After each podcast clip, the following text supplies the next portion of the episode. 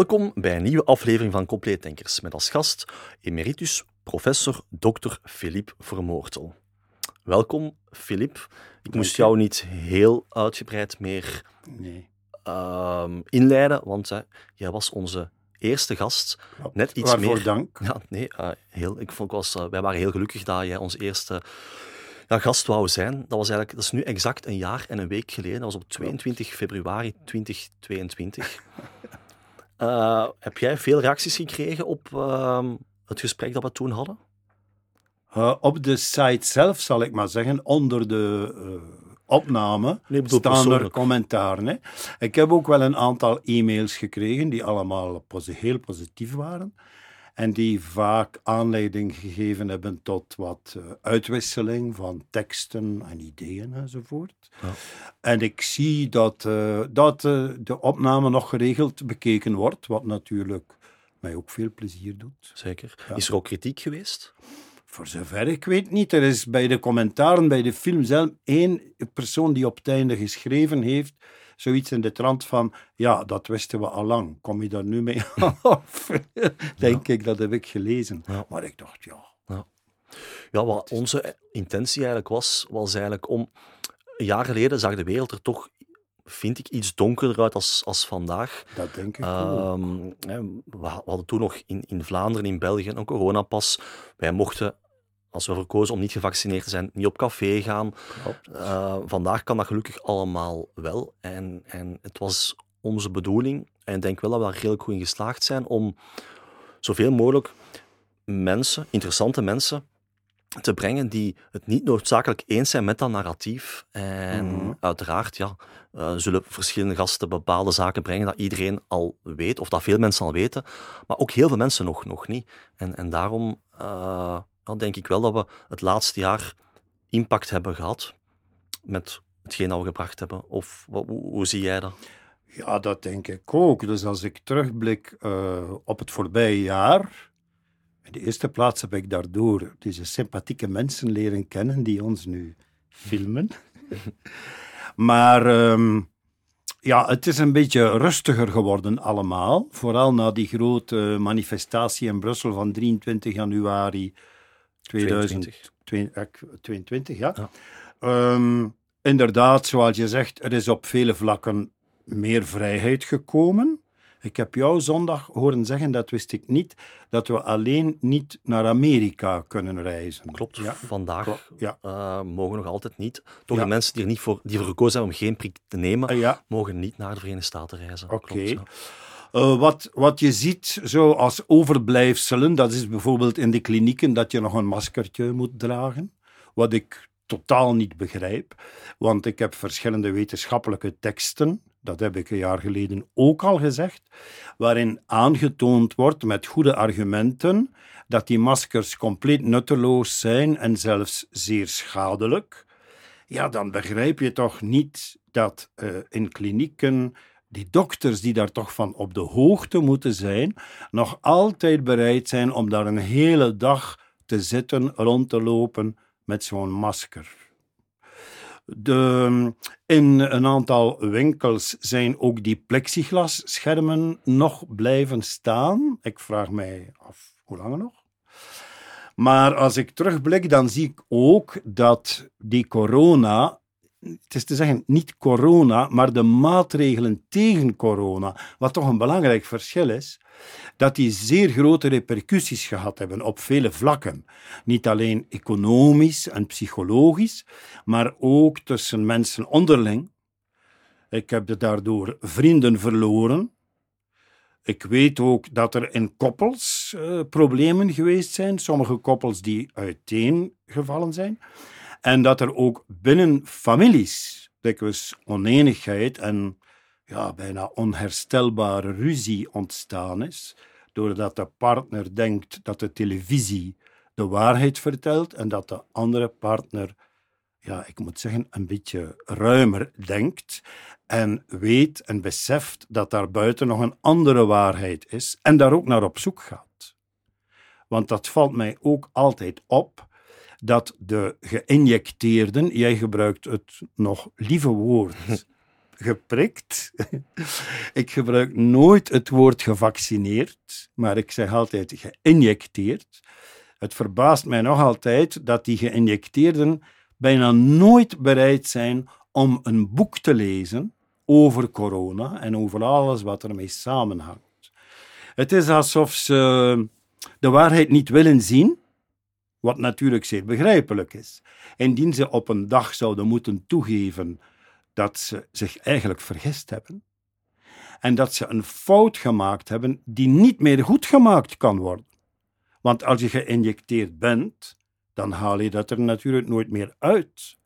Ik denk dat dat een van de redenen is waarom die mensen dat niet willen lezen.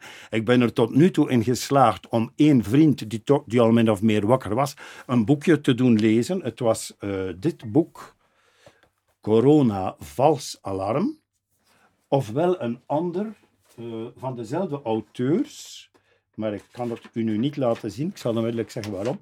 En dat heet Corona Ontmaskerd. Die vriend van mij die dit boek gelezen heeft, die zei achteraf, Filip, mijn ogen gaan open. Hoe hebben ze ons bedrogen? Hij is één keer geïnjecteerd. Hm. Die kaft van het andere boek kan ik niet tonen, omdat ik het nu uitgeleend heb aan een vriendin die intussen half wakker is, zal ik maar zeggen. Met de bedoeling dat ze helemaal wakker zou worden.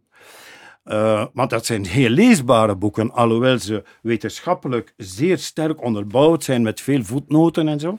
Niet geschreven door een of andere journalist. Uh, ja.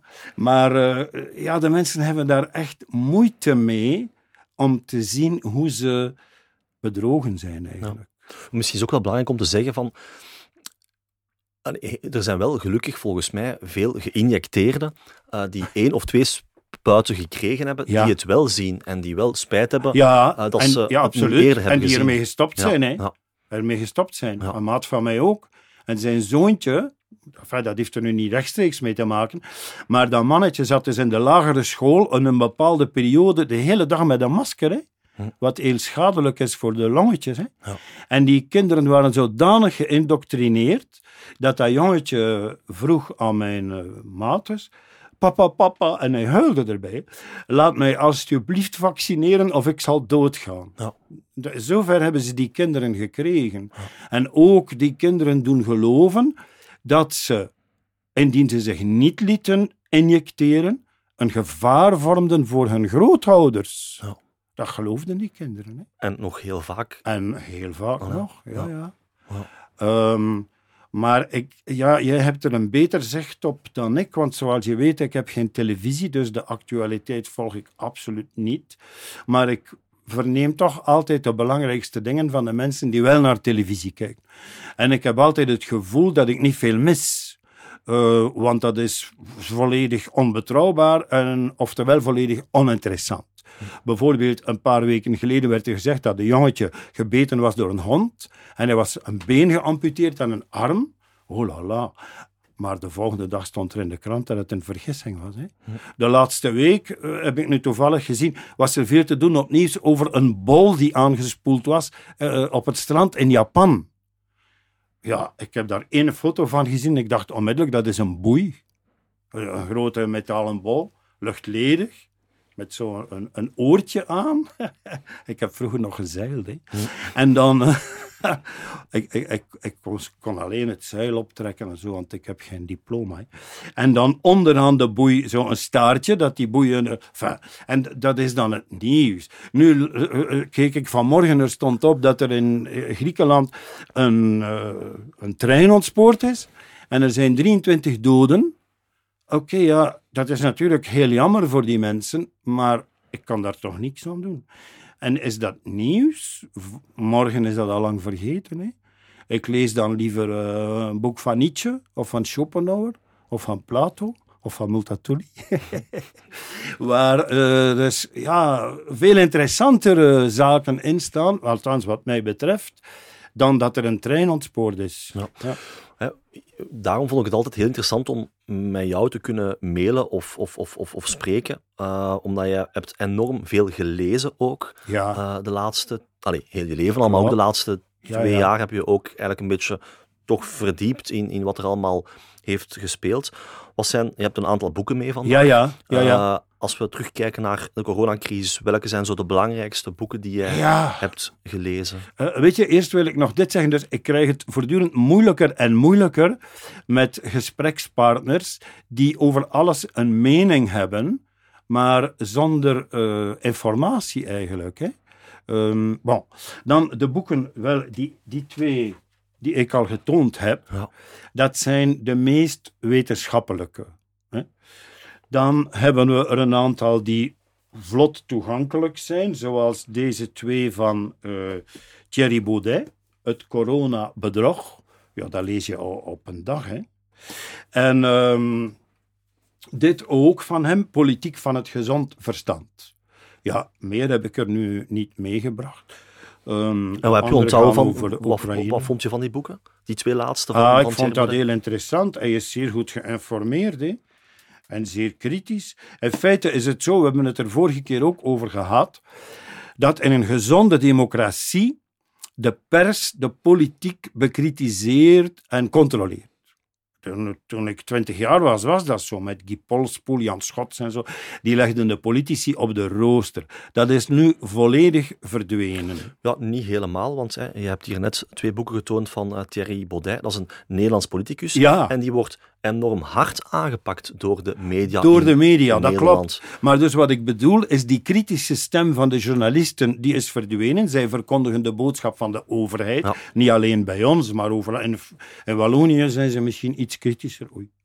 Maar eh, die taak van de journalisten om onze democratie te bewaken, is nu overgenomen, zoals je zegt, door, door politici. Ja. En bij ons is dat, voor zover ik weet, Raoul eh, Hedebouw en Dries van Langenhoven, die er ook alle twee serieus van langs krijgen. Dus zij staan in het parlement te doen en te zeggen wat eigenlijk in een gezonde democratie in de krant en op de televisie gezegd zou moeten worden. En dus en Thierry Baudet en, en Guy van uh, Meijeren, die hier ook gezeten heeft, hè, die nemen eigenlijk die kritische taak over en die worden, zoals je zeer terecht zegt, door de media met de grond gelijk gemaakt. Zelfs in het parlement zelf heeft Baudet op een bepaald moment een week lang zwijgplicht gekregen. Ja. Dus waar is dan de democratie? Waar is de vrijheid van meningsuiting? Waar Ursula von der Leyen zo, zo prat op gaat in vergelijking met Rusland. Het is allemaal eh, fake, hè? dat is niet waar. Dat heb je trouwens zelf ondervonden. Als je een tekst publiceerde op YouTube of Twitter, of ik ken al die dingen niet, Facebook en zo. op ja. Facebook, Ja. dat je onmiddellijk gesanctioneerd werd. Ja. Enfin, ik wijk af. Nee, dat is helemaal niet erg. Ehm, want het is inderdaad frappant, vind ik ook, dat eh, de, de media eigenlijk, je zegt het heel goed, hè, het overheidsnarratief verdedigt Ja. en mensen die ervan afwijken gewoon cancelt volledig. Klopt. Want klopt. die, die boeken van, van Thierry Baudet, ik, ik, ik heb ook al redelijk wat van Thierry Baudet gelezen. En ik word dan eigenlijk triest als ik zie hoe dat die wordt belachelijk gemaakt absoluut. in Nederland. Uh, en ook als je met Nederlanders spreekt, zelfs Nederlanders die eigenlijk wel bewust zijn dat we gemanipuleerd zijn geweest de laatste jaren, als die de naam Thierry Baudet horen, dan zeggen die van, met zo'n extremist Ja, wil ik niks te, ma niks te Absoluut, maken hebben. absoluut. Ja. Ik stuur soms teksten naar vrienden, zoals je weet. En één daarvan heeft geantwoord: Ah, je stuurt mij een YouTube van Baudet, dat open ik zelfs niet. Hm. En een vriendin heeft mij geschreven: Je mag mij alles sturen over conscience, multatuli, eh, het, het, maar bespaar mij alstublieft Gideon, het is Gideon, hè, van Meijeren. Ja. Dat je denkt, ja, en die mensen denken dan van zichzelf dat ze openstaan voor alles, niet racistisch zijn, geen vooroordelen hebben, maar het, het tegenovergestelde blijkt. Maar dan zie je wel, helaas, dat de media nog heel veel macht heeft. Want als de media Ah. zegt dat Gideon of Thierry slechte personen zijn, dan gaat er... allee, absoluut. 90% van de mensen gaat er heel makkelijk in mee. Absoluut, absoluut. Maar het is ook zo dat 99% van de mensen hun informatie uitsluitend uit de televisie haalt. Hè? Ik ken zelfs mensen die er trots op zijn dat ze smiddags naar VTM kijken en s'avonds naar VRT. En dan zeggen ze, wij zijn goed geïnformeerd. Een grote fout die de mensen maken is dat ze nieuws identificeren met waarheid omdat ze het zien en ze zeggen, ja, maar het is gefilmd. Dus het is toch wel echt gebeurd, Filip. Dus het is toch waar. En het is inderdaad gefilmd. Maar het is dikwijls in scène gezet. Hè? Hm. En dat, dat, dat is heel eigenaardig dat de mensen die naar televisie kijken dat niet beseffen. Ik zal een keer één voorbeeld geven. Hè. Eh, een jaar of twee geleden op ROB werd er zo'n filmpje getoond waar eh, politieagenten voor het station een zwarte of donkere eh, man om zijn papieren vroegen. Onmiddellijk kwam er een wit, ja, wat moet ik tegenwoordig zeggen, eh, meisje erbij staan. En dat zei heel dapper: Als u zijn papieren vraagt, dan moet u ook de mijne vragen. Maar je moet je nu een keer voorstellen: het is niet zo dat er door de stad Leuven heel de dag tien auto's van ROB rijden met camera's op. Dus dat is natuurlijk in scène gezet. Indien dat gebeurd zou zijn en indien een auto van ROB dat gezien zou hebben, tegen dat hij de camera's uit die auto heeft, dat, dan is die politie al lang weg. Ja. Dus die staan daar al klaar. En dat is iets wat, wat de mensen voortdurend vergeten als ze naar televisie kijken.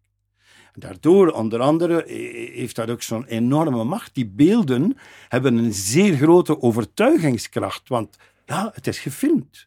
Dus is het gebeurd. Wat ook waar is natuurlijk. Ja. Maar het is niet de waarheid die wordt. En waarom zouden media dat volgens u doen?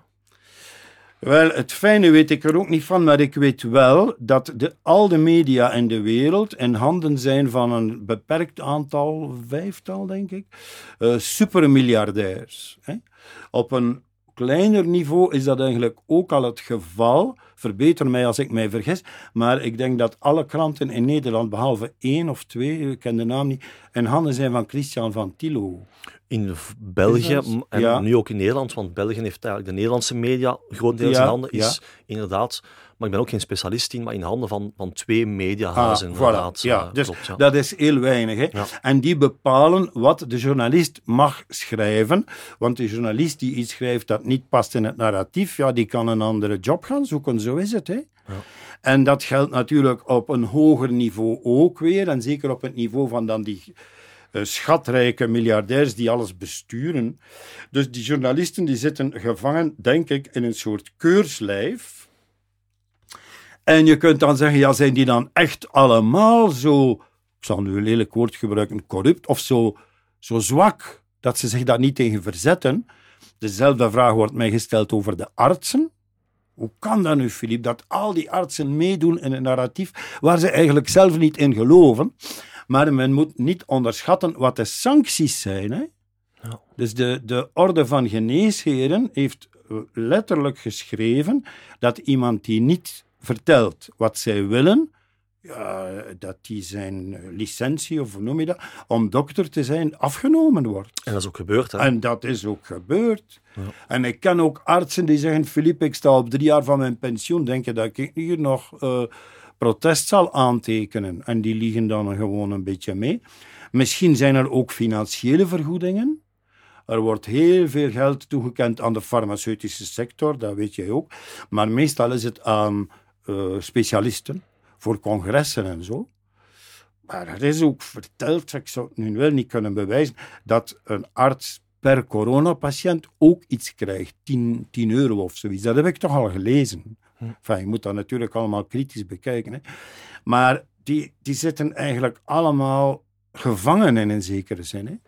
En diegenen die eruit komen... Ja, bijvoorbeeld nog zo'n voorbeeld. Ehm, hoe is zijn voornaam? Robert Malone, is Ja, het? Hè? Die eigenlijk de pionier was van de RMNA. Die heeft dus op het internet en op YouTube en zelfs op de televisie al tientallen keren verkondigd dat die injecties schadelijk zijn en dat men daarmee moet stoppen. Maar hij wordt, eh, net zoals Baudet enzovoort, door de media volledig in discrediet gebracht. Hè? Klopt, terwijl de man zelf Volledig, gevaccineerd hè? is.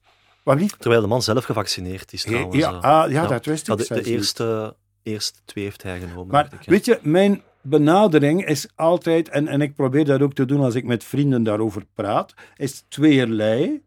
Eh, Ten eerste vraag ik mij af, of stel ik mij vragen bij de logica van wat gebeurt. Gewoon de logica. Mhm. Je moet daarvoor niks gelezen hebben. Hè? En dan daarnaast probeer ik mij te informeren eh, door boeken te lezen. Af en toe een keer iets te zien, ook op YouTube of zo, maar altijd heel kritisch. Hè? En dus door, gewoon door logica ben ik er toch al een aantal keren in geslaagd, denk ik, om mensen eh, te doen twijfelen, zal ik maar zeggen. Als je zegt, maar luister eens, eh, de eerste dag heeft Pierre van Damme gezegd, en dat kan je tonen, daar bestaan filmpjes van, dat wie geïnjecteerd is nooit meer corona kan krijgen. En twee maanden later zeggen ze, oei, je moet nog een spuit hebben. Onlangs was een vriend van mij, een al wat oudere vriend, die vier keer geïnjecteerd is, ik weet het niet. En ineens had hij corona. En dan schrijft hij mij, ja, maar mijn arts heeft mij gezegd dat ik minder erge gevolgen heb, omdat ik vier keer geïnjecteerd ben. Ik heb dan geantwoord, ja, vraag eens aan je arts op grond van welk wetenschappelijk artikel hij je dit vertelt. Geen antwoord natuurlijk. En tweede vraag, weer logica. Hoe zou men kunnen iemand die geïnjecteerd is nog beschouwen als iemand die niet geïnjecteerd was of omgekeerd? Dus die bewering dat je minder gevolgen hebt doordat je geïnjecteerd bent, valt nooit of te nooit hard te maken. Mhm. Eh, en dan, met mijn eh, niet altijd al te vriendelijk karakter, schrijf ik daar dan bij. Ik wens op dit niveau hierover niet meer met u te uh, discussiëren of te debatteren of te schrijven. En dan zijn die mensen heel kwaad. Want eigenlijk zeg je ze dan dat ze toch een beetje dom geweest zijn om dat te geloven. En dat hoort niemand graag natuurlijk. Ja. Zeg, ik ben in mijn wiek geschoten. Hè? Maar dus op die manier, of bijvoorbeeld dat je zegt van Ranst, heeft in het begin gezegd, die maskers die zijn gewoon waardeloos en belachelijk. En dan verandert hij. En dat noemt men dan voortschrijdend inzicht. Zeg ik het goed? Ja, klopt. Ja. Maar, maar dan vraag ik mij af, hoe, hoe, oud is Van Ranst? Ergens in de 50 of zoiets? Ja, die zit dus al 30 jaar in zijn laboratorium, net zoals Pierre van Damme en Van Gucht. Wat hebben die mensen daar dan gedaan? Die 30 uh, afgelopen jaren. Dan komen ze nu in contact met een virus, en het zijn virologen, en opeens ontdekken ze allerlei nieuwe dingen. En dan noemen ze dan vooruitschrijdend inzicht. Zie je, en de, dus daarvoor moet je niets gelezen hebben. En moet je geen geneeskunde gestudeerd hebben. Gewoon, als je een beetje logisch redeneert, kom je tenminste tot de conclusie, als je wil natuurlijk, hè, dat het discours niet klopt. Ja. En een stap verder kan dan zijn dat je met materiaal uit de lectuur een en ander onderbouwt. Ja. Wat ik altijd frappant vind is, in 2020 uh, waren er de eerste kritische stemmen die een aantal uitspraken deden, die nu bijna drie jaar later bijna allemaal correct blijken te zijn. Ja, maar die werden toen belachelijk gemaakt en weggezet als een bende zotten. Zeker, zeker, zeker. Ja, dat is zo. Ehm, en nu ook vandaag blijft dat eigenlijk voortduren. Hè? Want we hebben nog altijd, of de media heeft nog altijd heel veel respect voor die televisie-experten zoals Varanst, Van Damme. Uh, wat is volgens jou de oorzaak daar? Ja, dat de mensen dus dat heel weinig mensen de inspanning en de moeite willen doen om meer informatie te, te bekomen dan wat ze aangeboden wordt door de televisie, wat natuurlijk het gemakkelijkste medium is. Hè. Ja. Uh, het is veel gemakkelijker om zeven uur te zeggen, voilà, we kijken naar het journaal en dan blijf je maar zitten. Dan is er nog een quiz of zo, of ik weet het niet, of het een of het ander, of een feuilleton. Oeps, en de avond is gepasseerd. Hè. Lezen vergt wat meer inspanning natuurlijk. Hè. Er zijn nog mensen die de krant lezen, maar de krant vertelt hetzelfde verhaal. Ik heb je dat vorige keer gezegd. Ik heb twee jaar lang elke dag een krant gelezen in een andere taal. Hè? In het Italiaans, in het Spaans, in het Portugees, in het Engels, in het Duits, in het Nederlands, in het Frans. En die vertelden allemaal hetzelfde dan denk ik ook weer, eh, en dan komen we terug op een van je vorige vragen, die media die worden echt bestuurd, die, die, die krijgen te horen wat ze mogen schrijven en wat niet. En hetzelfde voor de televisie natuurlijk. Ja, dus misschien wel een mooi bruggetje naar ons tweede thema. Ja. Ehm, en we gingen het ook hebben over Klaus Schwab. Uh, ja. Heel veel ja. mensen uh, wijzen volgens mij vrij terecht met de vinger naar, naar de die man heeft iets te veel macht, denk ik. Uh, uiteraard heeft hij ook het recht om, om te schrijven wat hij wil schrijven. Uh, maar ik denk wel, of ik heb de indruk dat heel veel mensen die met de vinger naar hem wijzen, niet eens gelezen hebben wat hij allemaal heeft geschreven. Ja. En jij hebt wel de moeite genomen ik, om te lezen wat, wat hij heeft geschreven. Ehm, Ja, het is te zeggen, eh, eh, voor zover ik weet, heeft hij vier boeken geschreven. Daarvan heb ik er twee gelezen. Eén daarvan gaat echt over stock exchange. En ik denk dat dat nogal technisch is. Maar enfin, misschien zal ik het ook nog wel lezen. Ehm, dus dit is het volgende. Ik zal even de kaft tonen. Dat eh, op mijn programma staat. mhm. Maar ik heb het nog niet. En dat is Shaping the Future of the Fourth Industrial Revolution. Die had ik nog niet gelezen, hè? Dat heb ik nog niet Nee, gelezen. ja. Maar wat mij vooral interesseert, is dat er onder de titel, die je zo net gelezen hebt, staat A Guide to Building a Better World. A Guide to Building a Better World. En dan noem ik het laagje vernis, waarmee al die soms wel enigszins beangstigende dingen gepresenteerd en aangeboden worden. Hij stelt het allemaal voor als iets waar we heel blij mee mogen zijn. Want het zal het leven gemakkelijker maken, comfortabeler enzovoort. Dus het eerste boek eh, dat ik van hem gelezen heb, is dit: COVID-19, The Great Reset. En ik wijs er altijd op, ik heb dat zondag ook gedaan, dat er dus in de titel al een verband staat of gemaakt wordt tussen COVID en de Great Reset. Dat staat dus niet los van elkaar. Hè?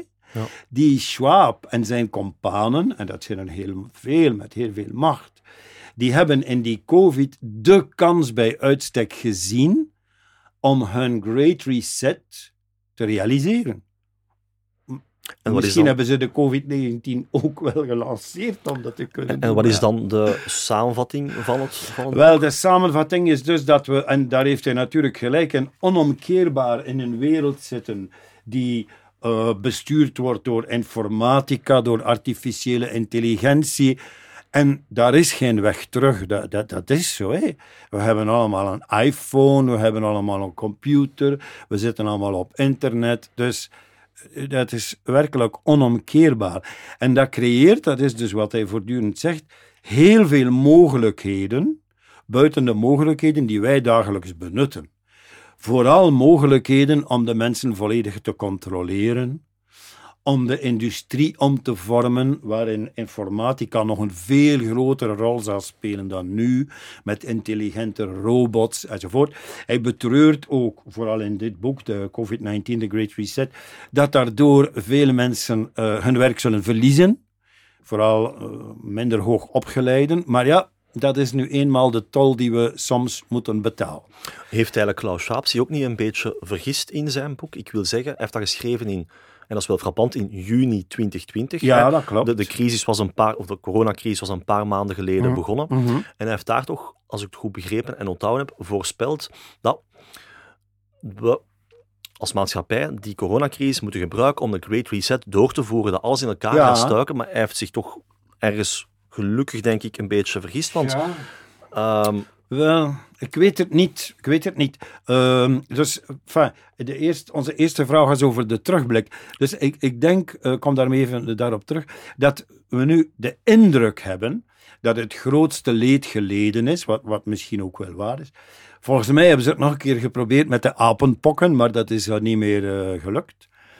Maar de machinerie daaronder, die uh, allerlei dingen nog realiseert van de Great Reset, is daarmee niet stilgelegd, natuurlijk. Hm. Dat gaat op allerlei manieren verder en voort. Ik vernam nog een paar dagen geleden van vrienden van mij uit Mechelen, ik kende dat niet, dat men daar vermoedelijk bezig is, jij zult dat misschien wel kennen, met de zogenaamde 15-minuten steden. Dat zegt je iets, ja? ja, Three States. Ja, ja, City, voilà, ja. dus dat is, dat is de, de Benelux eigenlijk, hè, Ja. die daarmee bezig is.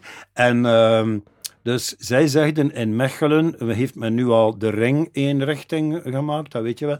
En is men zo stiekem bijna gebiedjes aan het afbakenen, waar dan de mensen min of meer, in het slechtste geval, gevangen kunnen zijn. Maar dat, ook dat wordt weer voorgesteld als het werken aan een leefbaarder stad, met minder vervuiling.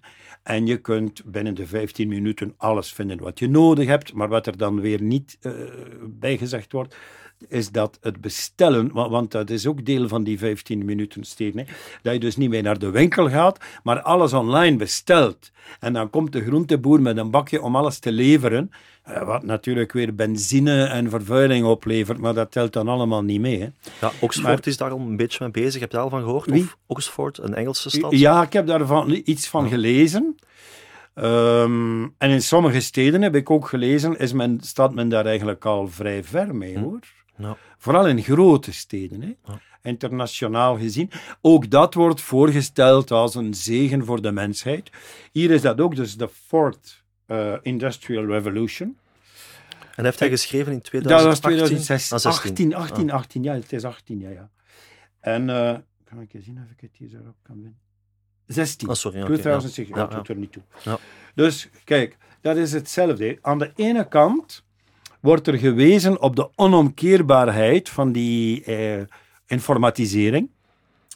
En dat gaat zeer ver. Hè?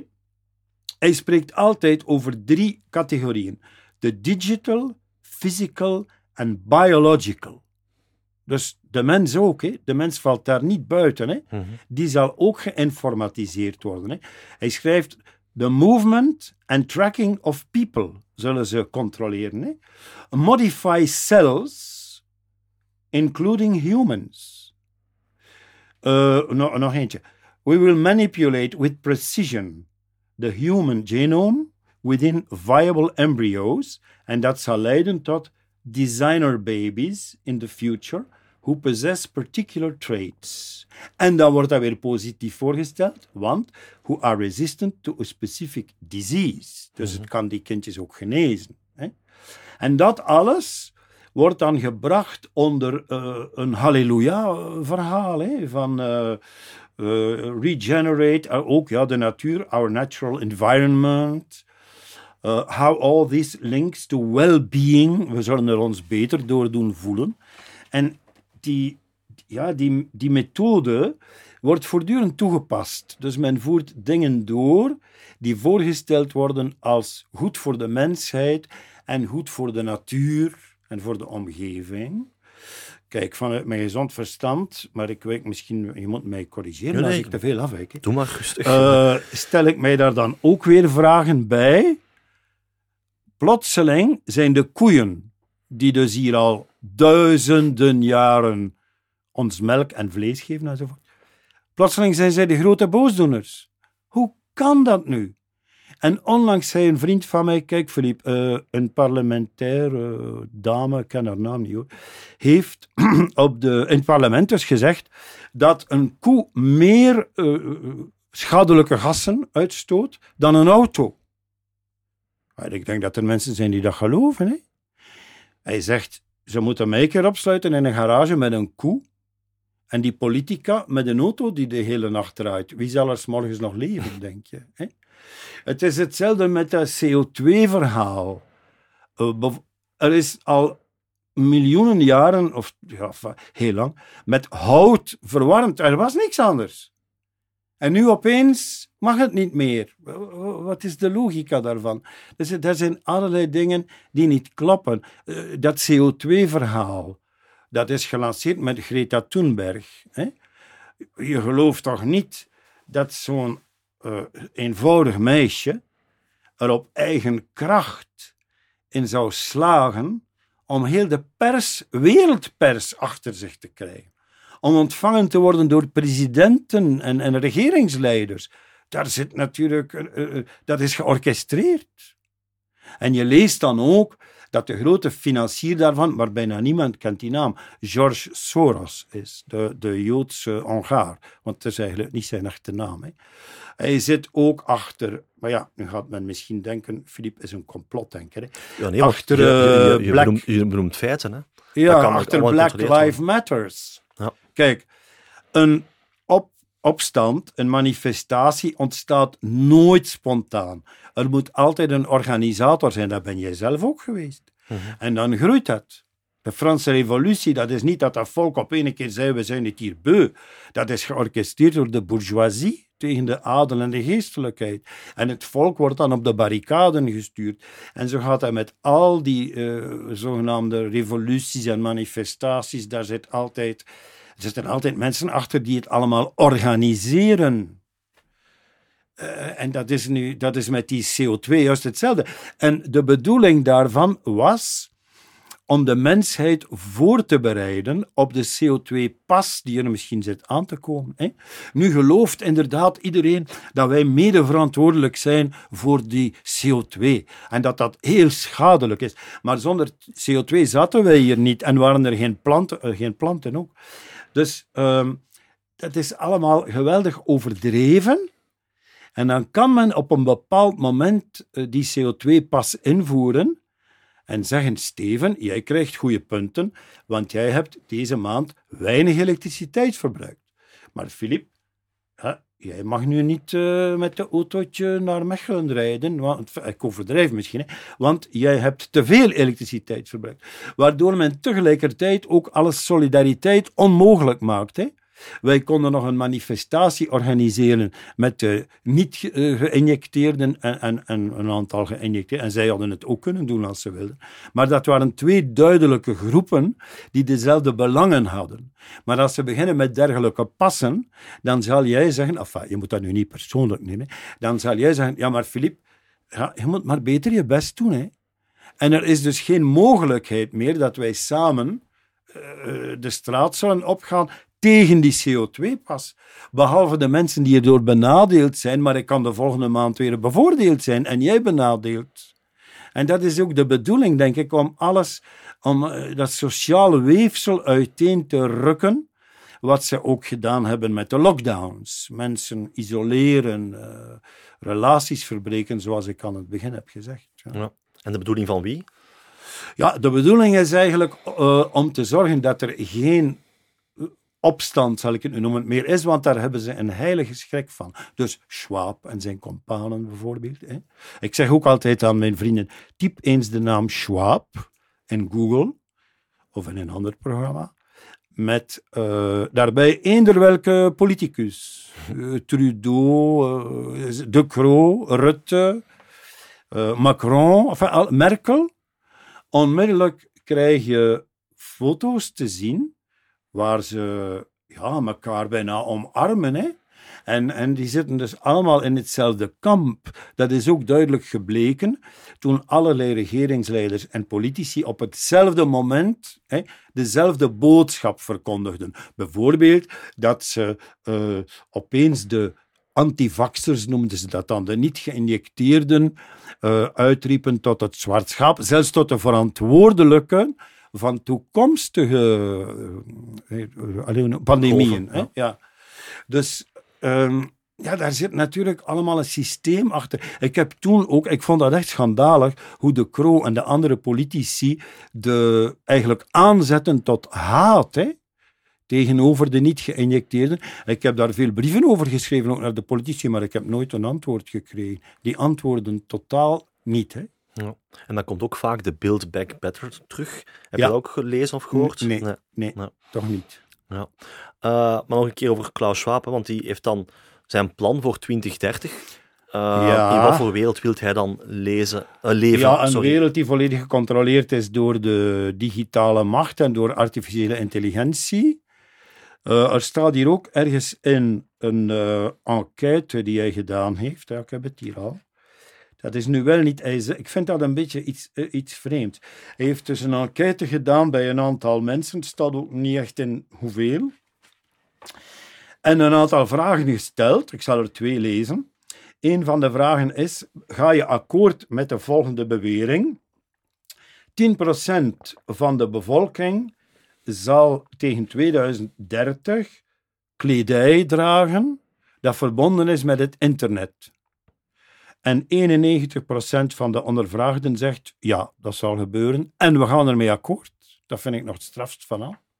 Een andere vraag is: 10% van onze brilmonturen zullen verbonden zijn met uh, het internet. En 90, uh, 85% zegt ja, Derde en laatste vraag. The first implantable mobile phone will be available commercially. Telefoontje en een chipje onder je huid hier. En 81% vindt dat goed. Dus met zulke uh, zaken zijn die mensen en, en, bezig. En dat was al in 2016, hè? Ja, klopt, klopt. Eigenlijk willen ze volgens mij een wereldheerschappij. En je ziet dat ook aan de namen van al die dingen. Dus oorspronkelijk, de oorspronkelijke naam ehm, van World Economic Forum was European. Hè? Het was niet economic, maar dan ook Forum. European, ik weet niet meer wat, Forum. Dat is dus veranderd. Hè? Hun doelstellingen zijn ruimer. De andere instellingen, het Internationaal Monetair Fonds, de Wereldbank, het Internationaal Gerechtshof in Den Haag, dat is niet meer gedacht op Europees niveau, dat is gedacht op wereldniveau. En wat ze doen, is de macht, en dat is al vergevorderd, de macht en de autonomie van de, nationaal, van de naties onderuit halen. Hè? Ja, dus al de naties, al de landen van Europa hebben zich aangesloten bij Europa, zal ik maar zeggen. Wat dan ook weer in verbinding staat met Schwab enzovoort. En hebben dus eigenlijk bijna niks meer te zeggen. Hè. 60% van onze wetten komt niet van ons parlement, maar van Europa. Dus dat zijn allemaal stappen, volgens mij, om een wereldheerschappij uit te bouwen. Hè. En van wie dan? Want Klaus Schwab die zal waarschijnlijk geen tien jaar meer leven. Nee, dat is waar, maar ik denk dat zijn zoon al klaar staat om hem op te volgen. Hè. Of dochter, zeker? Of dochter, ja, dat weet ik nu ook niet. En intussen is dat zo'n netwerk met zoveel geld dat dat eh, niet meer, zelfs als hij er niet meer is, zal dat verder rollen. Ja, dat zijn van die superrijke elites die ook vinden, en dat staat er ook verschillende keren in, dat we met veel te veel zijn. Dus er moet minder volk komen. Uh, sommige mensen beweren dan dat die vaccinaties daar ook toe bijdragen, die injecties. Ik weet het niet, ik wil me niet op het pad begeven van de complotdenkers, maar het is niet onmogelijk natuurlijk. Maar het staat er in ieder geval in dat we met te veel zijn en dat er dus iets moet gebeuren. En een van de manieren, ja, zal misschien wel zijn om mensen die dus heel, heel, heel arm zijn, de kans niet meer te krijgen om, om families uit te bouwen of ik weet niet wat. Trouwens, die worden toch allemaal uiteengetrokken. Hè? Dus dat sociaal weefsel, zoals ik daarnet zei, wordt volgens mij doelbewust kapot gemaakt. Wat ook al lang bezig is, uh, is dat dus de volkeren van Europa, zal ik maar zeggen, volledig gemixt worden. Hè? Dat is ook volgens mij, maar, maar nu, dat is persoonlijk, hè, een van de redenen voor die enorme migraties. Dat is de lokale culturen die in strijd zijn met het streven naar wereldheerschappij natuurlijk, dat die vernietigd worden. Bijvoorbeeld eh, het feit dat er nu ook zoveel mensen uit Oekraïne hier binnenkomen, is volgens mij ook weer een stap in die richting om de nationaliteiten uit te wissen.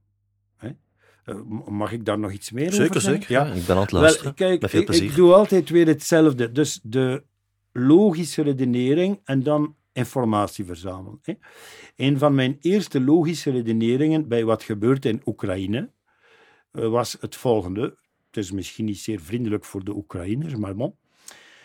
Onze voorouders, grootouders bedoel ik, mijn grootouders, die woonden, mijn grootmoeder woonde in Lier.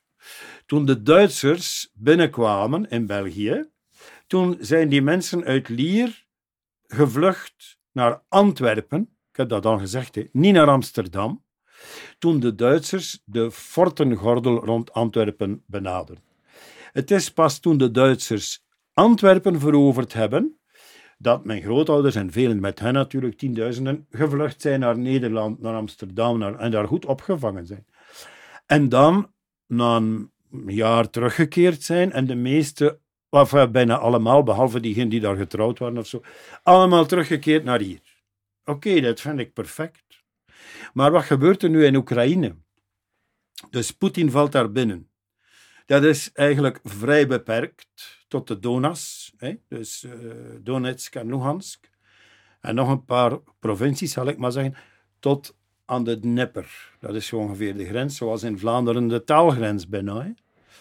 En de mensen ten oosten van de Dnieper zijn nogal Russisch gezind en de mensen ten uh, westen van de Dnieper zijn nogal uh, Europees gezind. Hè.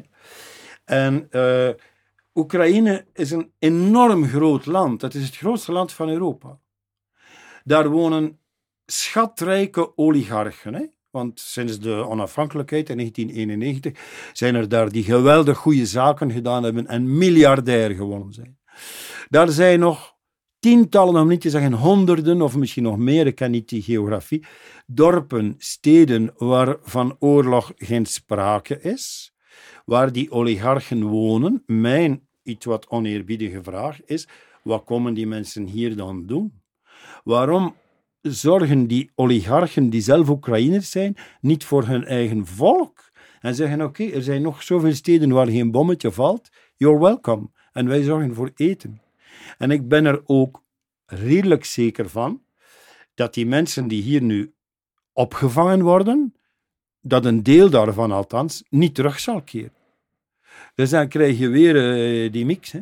Langs de andere kant, als je daar woont en je verdient 150 euro per maand, als het al zoveel is, ja. en je krijgt de kans om te vluchten naar een land als, als België, waar je helaas eh, zonder iets te moeten doen een 1500, 700 euro klopt, krijgt, klopt, dan zou je bijna lomp zijn om, om niet te komen, denk dat is zeker zo, ja. Maar dat is zeker zo. En daar staan er nog tientallen miljoenen te wachten, hè, om van hetzelfde te genieten. Hm. Die Oekraïners hebben dan in zekere zin nog de, het geluk dat er een oorlog is, dat ze een reden hebben om naar hier te komen en hier opgevangen te worden. Maar ja, kijk, een ander punt van logisch redeneren is het volgende. Rusland, de USSR vroeger, hè, was een zeer moeilijk te verdedigen land aan de westgrens. Niet aan de oostelijke grens, want daar is water. Hè. Vergelijk dat met Amerika. Amerika is zeer gemakkelijk te verdedigen. Je hebt aan de twee kanten een oceaan. Boven Canada. Maar er is geen enkele Canadees die eraan denkt om een oorlog te beginnen met Amerika. Daaronder Mexico. Evenmin. Het enige wat ze doen is proberen over de muur te geraken om, om eten te vinden en onderdak. Dus die Amerikanen hebben niks te vrezen. Toch hebben ze een enorm wapenarsenaal. Eigenlijk niet om hun grenzen te verdedigen, hè? maar om overal in de wereld oorlog te stoken. Weet je, van de, dus Amerika bestaat 240 jaar. Van die jaren hebben ze gedurende 9% geen oorlog gevoerd.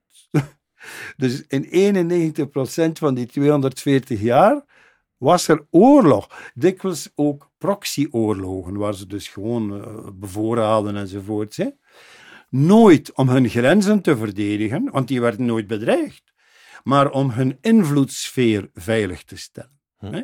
Nou, nog een keer logisch redeneren. Stel nu dat Poetin aan de Mexicaanse grens kanonnen zou opstellen en wapens en raketten en aan de Canadese grens ook. Wat denk je dat de Amerikanen zouden doen? Ja, dat is wat we gezien hebben in Cuba. Hè? Ah, maar als Poetin het doet, dan is hij de slechte duivel. Je moet dan ook niet vergeten dat veel mensen in de Donbass blij zijn, want zij zien Poetin als een bevrijder. Wat er ook vergeten wordt, dus van zodra die twee uh, republieken zich uitgeroepen hebben tot volksrepublieken, in 2014, dan is er veel gebeurd, ook de Krim en zo.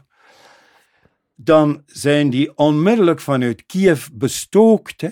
Dus daar was al acht jaar burgeroorlog toen Poetin daar binnenkwam een vredeburgeroorlog, hè, waarbij vele mensen gestorven zijn, die gevangen genomen werden, gefolterd werden. En moet je je voorstellen dat in de 19e eeuw, toen hier een aantal Vlamingen begonnen te streven voor meer autonomie, autonomie, dat men vanuit Brussel zou begonnen zijn met ons hier te beschieten met kanonnen. Dat is precies wat daar gebeurt. En indien dan de Nederlanders gekomen zouden zijn om de groot Nederlands denkende Vlamingen te bevrijden, men zou gezegd hebben, halleluja.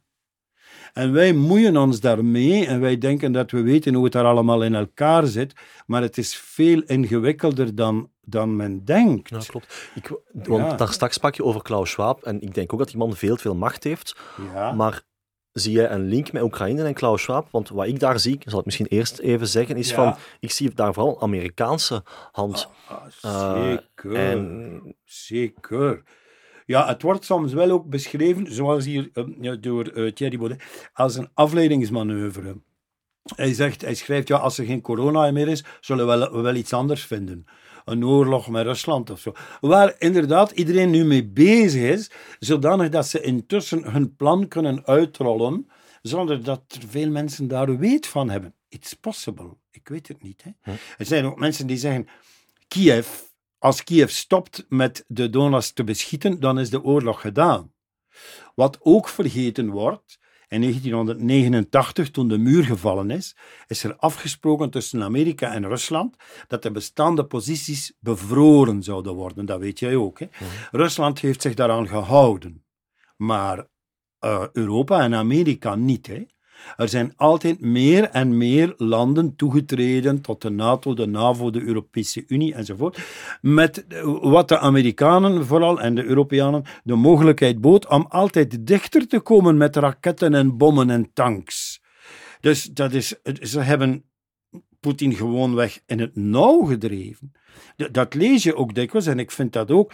De oorlog is wel begonnen door Poetin. Hij is binnengevallen, maar eh, eigenlijk niet veroorzaakt door hem. Daar zit weer veel meer achter. En het is exact zoals jij zegt. Het gaat in feite om Amerika en Rusland. En daarin is Europa maar een marionetje.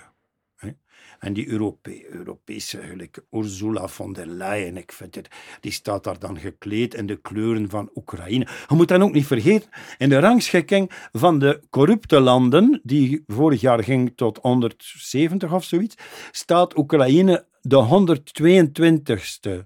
Dus dat is het meest corrupte land van heel Europa. En al die presidenten waren corrupt. Ze hadden allemaal als belangrijkste programmapunt de corruptie uitroeien. En ze zijn allemaal geëindigd als de grootste eh, corrupte eh, leiders. Uh, Janukovic, die is president geweest tussen 2010 en 2014 en die is gewoon gevlucht naar Rusland. En dan heeft men zijn buitenverblijf ontdekt met een eigen zoo, met een eigen tennisterrein, met... Dus, en en op zijn bureau briefjes waaruit bleek dat hij al het geld van de, van de regering in zijn eigen portemonnee gestoken had. Langs de andere kant kunnen we ook zeggen dat dat in België misschien niet veel beter is. Hè? Eh, als we kijken naar een, een Guy Verhofstadt. Hm. Absoluut. Ja, dat is. eh, En, en een boek, dat boekje nu niet mee. Maar ik lees ook veel boeken over Europa, want dat is dus ook de moeite waard. Hè. En in een van die boeken van Dirk-Jan Epping, eh, de, de- een, eh, een Nederlander die eigenlijk in België verkozen is, dat is iets heel raars. Met Jean-Marie de Dekker was dat. Enfin. Dus die schrijft ook, en het is een boek van 2018 of 16, dat Verhofstadt op dat moment in het parlement ehm, bovenop zijn wedden aan inkomsten van allerlei voorzitterschappen enzovoort, 230.000 euro netto per jaar verdiende. Ja? Eh, en in zijn speech, in de speech van hem moet ik goed opletten, Nigel Farage, maar je kunt ook zeggen Nigel Farage, hij vindt alles goed. Of je kunt het accent ergens anders leggen ook. Nigel Farage of Nigel Farage. mooi. Die, die heeft dus op een bepaald moment, dat herinner je wel, hé, dat is werkelijk, eh, niemand kan dat vergeten, Van Rompuy, toen hij begon als voorzitter van het parlement, volledig belachelijk gemaakt. Je bent een natte dweil en ziet eruit als een bankdirecteurtje enzovoort. En in die korte speech zegt hij ook, als ik mij goed herinner, you earn more than Obama. Maar goed, dat zijn nu allemaal nog geregistreerde officiële bedragen. Ik bedoel, Verhofstadt heeft, voor zover ik weet, niet een briefje ondertekend dat subsidies voor het Europees Parlement in zijn zak moesten komen. Dus dat is wel, denk ik, nog een zeker verschil. Terwijl dat, eh, ja, in Oekraïne en Amerika trouwens zijn er ook veel oligarchen. Hoe zijn die aan hun geld geraakt? Zelensky heeft ook heel veel geld. Wat er ook in de media, dat merk ik nu als ik spreek met mensen, totaal nooit gezegd is of wordt, is dat in de rangschikking van de landen met het meeste AIDS, dat Oekraïne daar staat als nummer twee. Dus het eerste land is Rusland. Dan, en dat zijn officieel, dat is niet ergens van een YouTube-filmpje of zoiets dat ik dat haal. Dat zijn dus de officiële rangschikkingen. Daar staat in dat Oekraïne die AIDS-problematiek niet meer onder controle heeft. En het heeft zeer veel te maken met prostitutie. En ook veel met druggebruik, naalden die onzuiver zijn. Die Oekraïners komen naar hier daar wordt daar volgens mij niet op gecontroleerd. Dus zij kunnen hier aids verspreiden, want er zijn er ook veel die in de prostitutie gaan, hè, omdat ze niet toekomen met geld dat ze van de uh, Belgische overheid krijgen. Hè. En er zijn er veel die verslaafd zijn aan drugs. En ik vraag mij ook af, misschien weet jij het antwoord, in hoeverre men die Oekraïense vluchtelingen die hier toe kwamen, gecontroleerd heeft op vaccinatie werd er geëist van die mensen dat ze geïnjecteerd waren? Er wordt nooit gevraagd, ook niet aan andere vluchtelingen die uit Afrika ah, komen. Hè. Het is zelfs zo dat hè, Oekraïne een van de minst gevaccineerde landen was tegen corona. En daar is geen probleem van gemaakt. Hè, want hè, exact een jaar geleden zaten wij, hè, hebben wij ons eerste gesprek gehouden. En de oorlog is toen begonnen. Ja. Uh, we zaten nog met een CST. Ja. Uh, en niet veel later is CST verdwenen, gelukkig natuurlijk. Maar die Oekraïnse vluchtelingen hebben dat nooit moeten tonen, gelukkig, want, want ze hadden ah, helemaal... Toen was het al niet meer nodig, Als ik, voor ons ook niet. Wat we toen gezien hebben, volgens mij is het ene narratief heeft toen een beetje het andere vervangen. Hè. De oorlog in Oekraïne is begonnen en corona was opeens gedaan. Er was een nieuwe angst uh, waar ja, naar komt ja, ja. Dat is een beetje wat Baudet ook schrijft, hè, dat het een afleidingsmanoeuvre zou kunnen zijn. Hè. Maar ik heb ook veel gelezen over de geschiedenis van Oekraïne, want daar weten de mensen dus totaal niks van ook. Hè. Die denken Oekraïne dat dat altijd de vorm heeft gehad die het nu heeft, maar dat is absoluut niet waar. Dat is een typische bufferstaat. Hè. Uh, de letterlijke betekenis is ook grensland van Oekraïne. En, en dus eh, Rusland heeft altijd die landen aan die grens gebruikt als buffer. Ja, je moet ergens stoppen natuurlijk. Eh, net zoals men in 1830 België gecreëerd heeft als buffer tussen Nederland en Frankrijk. Dat is al een overeenkomst. Wat zeer goed overeenkomt, is ook die tweedeling. Uh, dus wij hebben de taalgrens. Franstaligen, Nederlandstaligen en Oekraïne ook, hebben het daarnet gezegd, met die Dnepper daar is ook geen één overeenkomst. Het is niet omdat een Oekraïner Russisch spreekt dat hij bij Rusland wil. Het is niet omdat hij Oekraïens spreekt dat hij onafhankelijk Oekraïne wil. Net zoals er hier Walen zijn die voor België zijn, of voor een onafhankelijk Wallonië, en voor Vlaanderen hetzelfde. Dus dat is allemaal al heel complex. Dan, België is zoals je weet opgericht in 1830, uh, Oekraïne in 1991. Het eerste wat zo'n staat altijd doet, is zichzelf een verleden creëren. Hè? En dat begon bij ons al bij Julius Caesar, dat was gemakkelijk natuurlijk. Uh, Belga stond fortissimi enzovoort. Dan begint men overal standbeelden op te richten. Jan Breil en Pieter de Koning, Ambiorix, Jacob van Artevelde, Egmond ten Hoorn. Enfin, ik sla er veel over. En men doet juist hetzelfde in Oekraïne. En de geschiedenis herschrijven. Hè. In de 19e eeuw waren er eh, in Vlaanderen heel veel historici die hun uiterste best deden om te bewijzen uh, dat België eigenlijk altijd al bestaan had. Maar door allerlei bezettingen, wat een verkeerd woord is, want we zijn alleen maar bezet door de Fransen. Onder uh, de Oostenrijkers waren we niet bezet en onder keizer Karel ook niet. Dat ging door erfenissen, maar niet door, uh, door militaire macht. Hè. Maar dus wij zijn altijd bezet, net zoals Oekraïne altijd bezet is. Hè en verdeeld is. Onder Litouwen, onder Polen, onder Hongarije, onder Roemenië. Plus daarbij dan die voortdurende dreigingen van het Ottomaanse Rijk en de Turken. Dus die, die situatie waarin die Russische tsaren zaten, en dus nu Poetin ook, is veel moeilijker om de grenzen te verdedigen dan een president van Amerika. Een president van Amerika die heeft ook allemaal Engels sprekenden die, die van Engeland komen enzovoort. Maar Rusland, dat is een lappendeken. Hè. Mijn vraag is altijd geweest, hoe kan je zo'n gigantisch land met zoveel talen, volkeren, godsdiensten samenhouden zonder een beetje dictator te zijn? Dat is bijna niet mogelijk. We hebben gezien wat er gebeurd is met Gorbachev. Hij heeft de teugels een beetje gevierd en het is allemaal uiteengevallen. Ik zeg dat nu niet om Poetin te verdedigen, maar het is een veel uh, complexere situatie dan men hier weet en beseft. Het is ook zo, dat zal je wel weten. Dus Oekraïne heeft eigenlijk de vorm die het nu heeft, alleen maar gehad onder Katerina de Grote en dan terug onder Stalin. En er is voortdurend door iedereen geprobeerd om dat Oekraïens uit te roeien. En de Oekraïners ook uit te roeien. En dat is ook weer een overeenkomst. In de 19e eeuw werd op het Vlaams door de Franstaligen die de macht hadden neergekeken als een dialectje van de boeren dat wel zou verdwijnen. Hè? En de Russen en de Polen en de Litouwers al hebben juist op dezelfde manier gekeken naar het Oekraïens. Het werd beschouwd als een dialectje van het Russisch of het Pools, want die talen hebben allemaal veel verwantschappen. Stalin heeft enorm veel Oekraïners gedeporteerd naar de Gulag, ik denk 15 miljoen of zoiets. Heeft daar Russen in de plaats gezet. Hier in, in België is dat niet gebeurd, het is natuurlijk ook veel kleiner. Hè.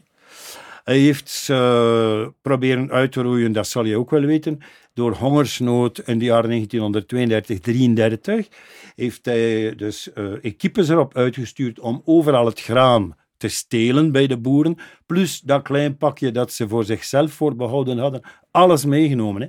De grens gesloten, en daar zijn toen tussen de 5 en de 10 miljoen mensen gewoon gestorven van de honger. Die lagen langs de straat. Hè.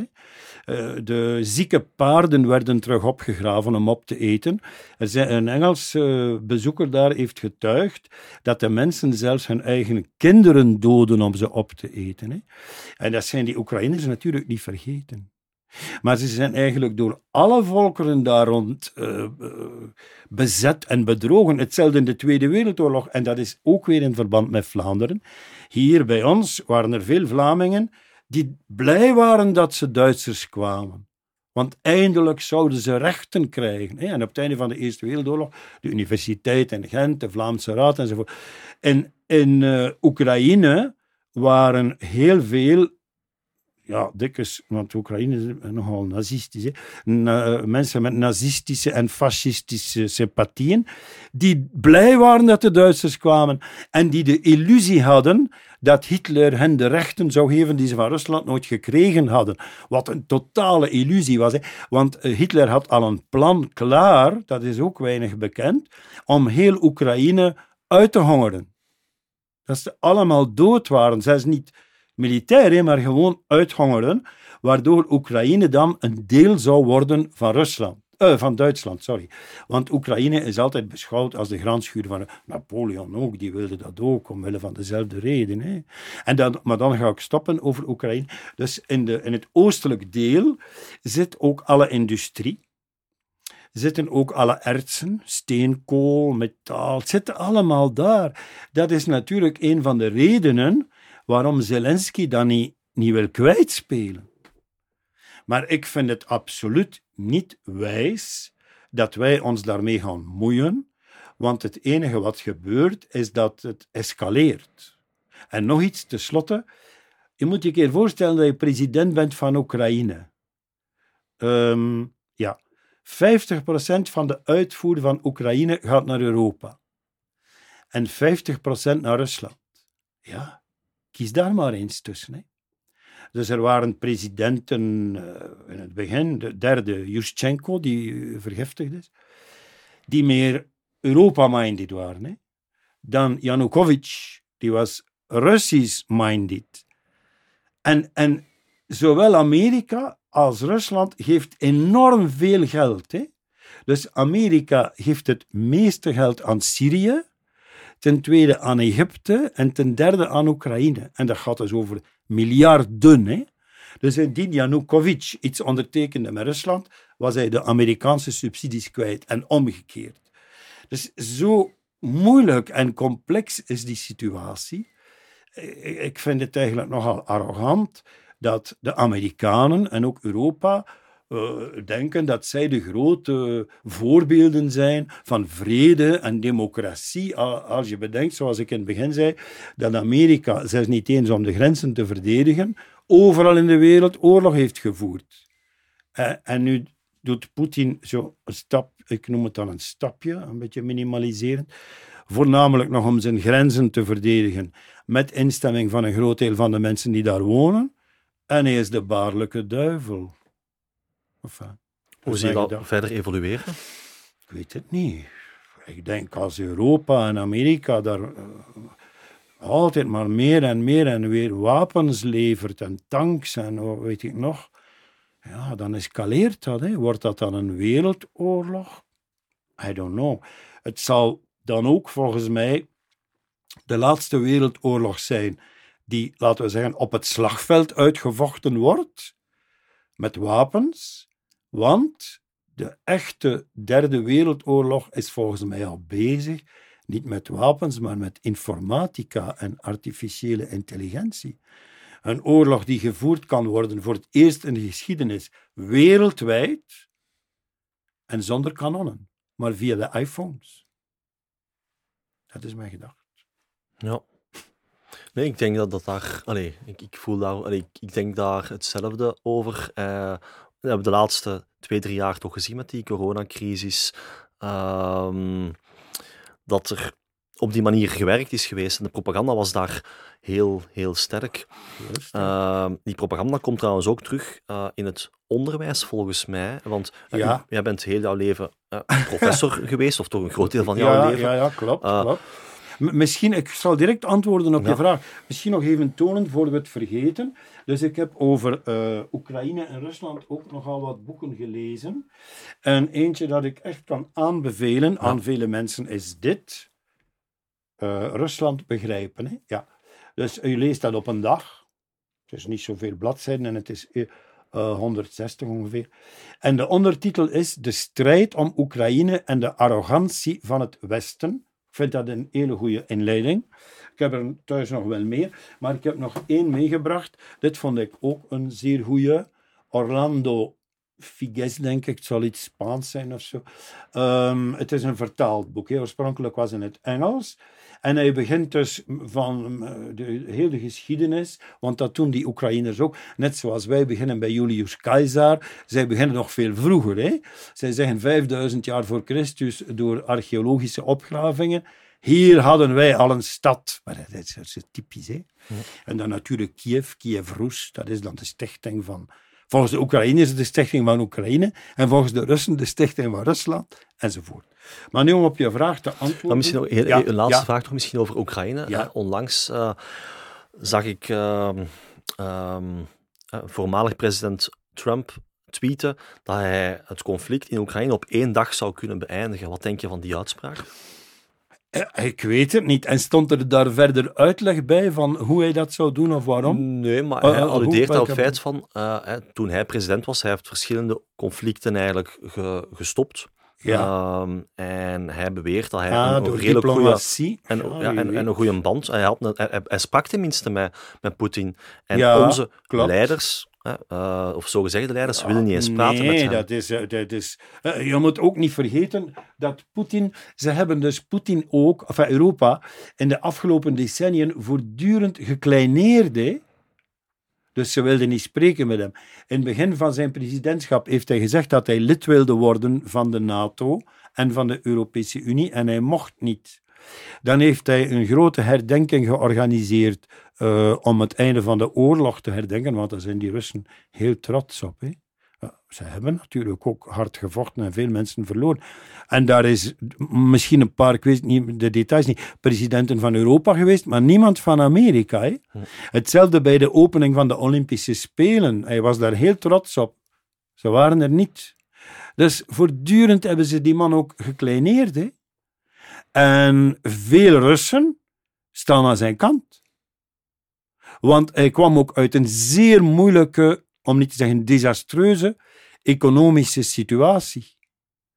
En heel veel Russen, dat, dat heb ik vanmorgen nog gelezen, moeten niks hebben van Gorbachev. In hun ogen, hoewel ze aanvankelijk wel blij waren met wat meer vrijheid, heeft hij het Russische imperium volledig verknoeid en zijn de levensomstandigheden onder hem niet beter geworden. Enfin. Maar mag ik overgaan tot het onderwijs? Ja. Heel graag. Wel, ik had hier eh, als inleiding eigenlijk een boek mee van Torbeck. Eh, dat is dus de grote liberale Nederlandse politicus. eh, die eh, de nieuwe grondwet, ik denk in 1848, toen er overal revolutie was, hè, in Nederland geschreven heeft. En hij heeft een tijd lang lesgegeven in Gießen. En hier in een brief van hem van 1823 schrijft hij over zijn studenten dat ze, uh, ik zal het eens zien, hij, moest dus geschiedenis geven. En hij ergert zich aan het feit, een zeer actueel thema, dat het aantal uren geschiedenis gereduceerd werd. Ik denk zelfs afgeschaft in zijn tijd. En uh, hij schrijft dan de meeste geschiedkundige colleges worden hier of niet meer voorgedragen, ja, of zijn gestopt. Uh, de historieën van de oudheid zijn sedert lang verzuimd. En dan schrijft hij over de studenten. Het is moeilijk hen te overreden dat men deze zaken als de grondslag van alle wetenschappelijke vorming te behandelen heeft. Zij willen, die studenten dus, aangenaam onderhouden worden. Of zoeken voedsel voor hun dromen en vooroordelen aangaande staats- of volksbestaan. En hij heeft het dus zeer moeilijk om die studenten te boeien voor zijn vak. Want eigenlijk interesseert het ze niet. Hij moet proberen om via de actuele geschiedenis ze enthousiast te maken voor het verleden. Dus ik wil daarmee maar zeggen, de klachten over het gebrek aan belangstelling, uh, interesse, kritisch denken enzovoort, zijn eigenlijk een beetje van alle tijden. Ik denk ook onze wereld en onze horizon wordt smaller naarmate we ouder worden. Hè. Ik zat in college in Latijn-wiskunde. Ik denk dat we met negen of tien waren. Ja, mm, mm, zeker acht daarvan zie ik nooit meer. Eén daarvan nog wel. Mijn vraag is nu, die acht die ik nooit meer zie, denken die kritisch? Misschien zijn ze allemaal vier keer geïnjecteerd. Lezen die boeken? I don't know. Ik, weet het niet. Ik weet het niet. Maar ik denk het eigenlijk niet. Ook door hun de beroepskeuze, misschien doen ze dat niet. Dus we moeten een beetje nuanceren. Er zijn heel veel leerlingen, heel veel studenten. Naarmate we ouder worden, wordt ons gezichtsveld kleiner. En denken we misschien dat alle studenten en leerlingen toen in onze klas kritisch denken en lezen zoals wij nu. Dus dat is zo een, uh, een correctie die ik wil maken. Dat was wel een heel goede nuance, maar heb jij dan geen verschil gezien tussen de eerste jaar dat je professor was en, en... Ja, het is te zeggen, ik heb een verschil gezien uh, in de mate van respect. Ik was namelijk diegene die ieder jaar opnieuw uh, niet alleen de academische zitting mocht openen en aan elkaar praten, wat heel tof was. En daar, daar is, zijn alle mensen stil. Hè. Dat zijn academische mensen, ook al een beetje ouder. En die hebben, het is misschien raar om te zeggen, hè, volgens mij leren zwijgen in de heilige mis.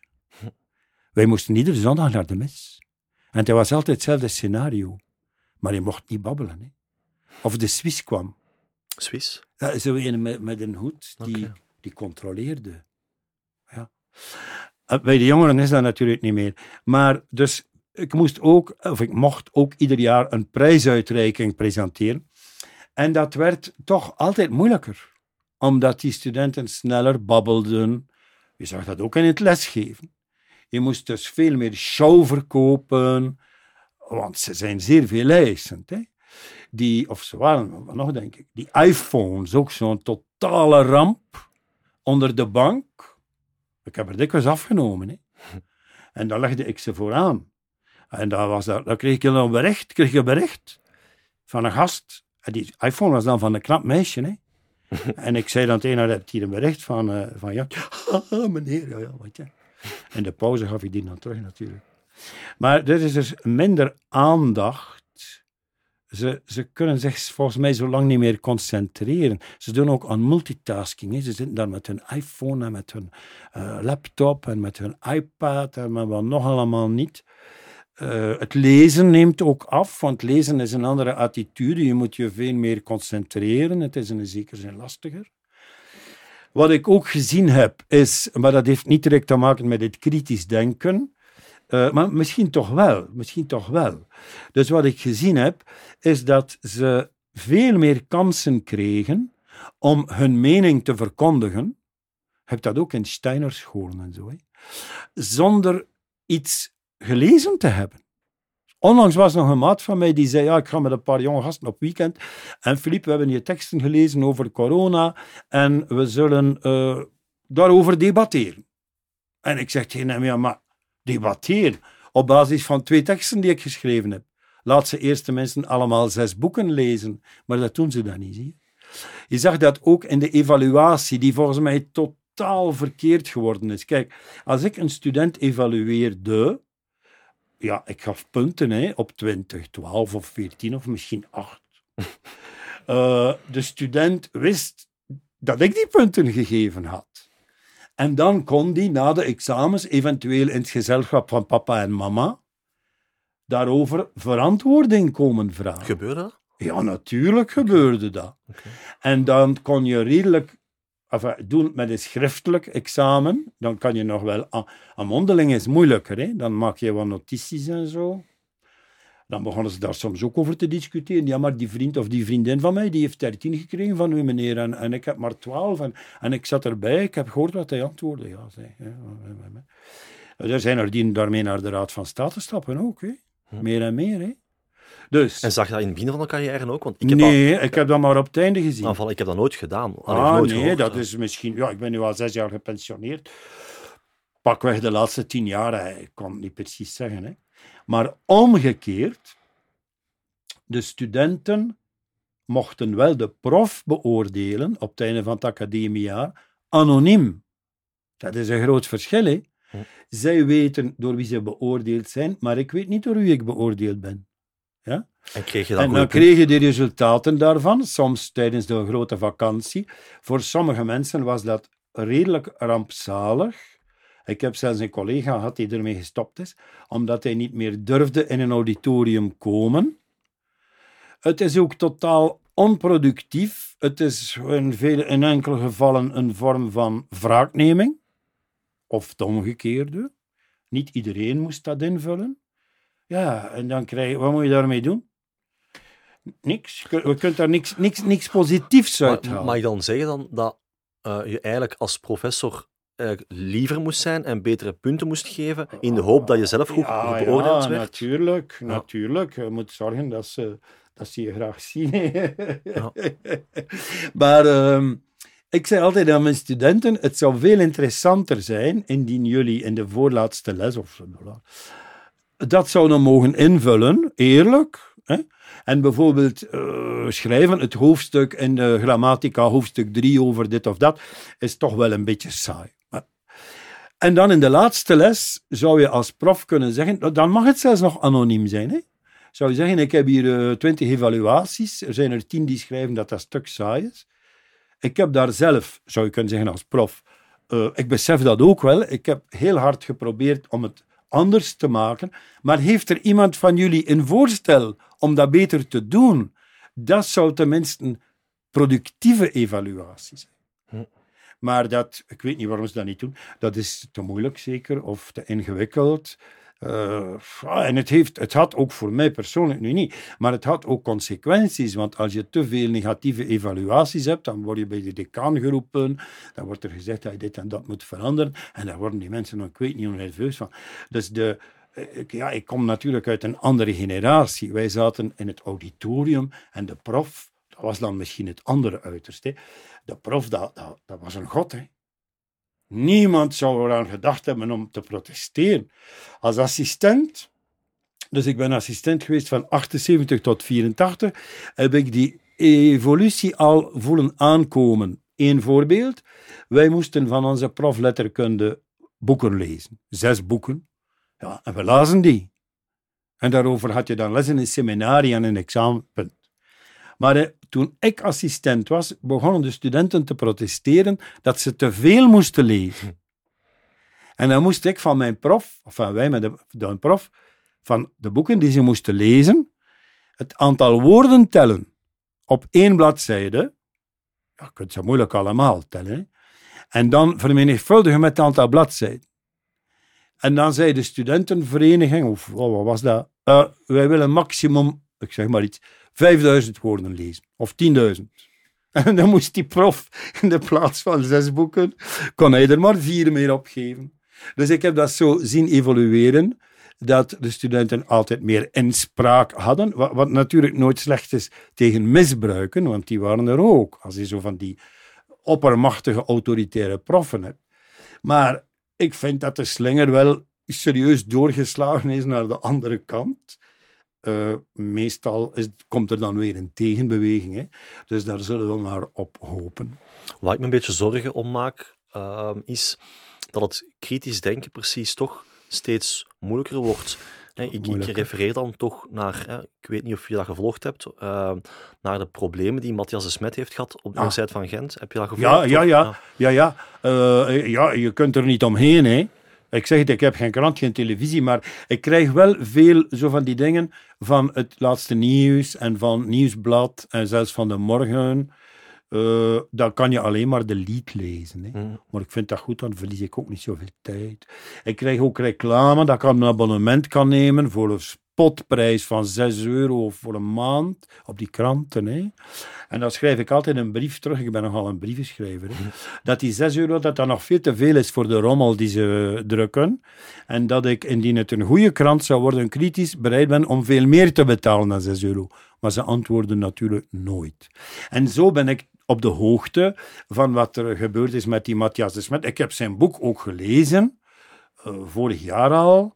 En ik schrijf, zoals je weet, van ieder boek dat ik lees voor mijzelf een bespreking en een oordeel. En op het einde zeg ik, zal ik het houden of niet? Dus ik heb zijn boek gelezen en ik vond de eerste, ik denk dat er uh, twaalf hoofdstukken zijn of zoiets. De eerste negen hoofdstukken of de eerste drie vierde vond ik wel interessant.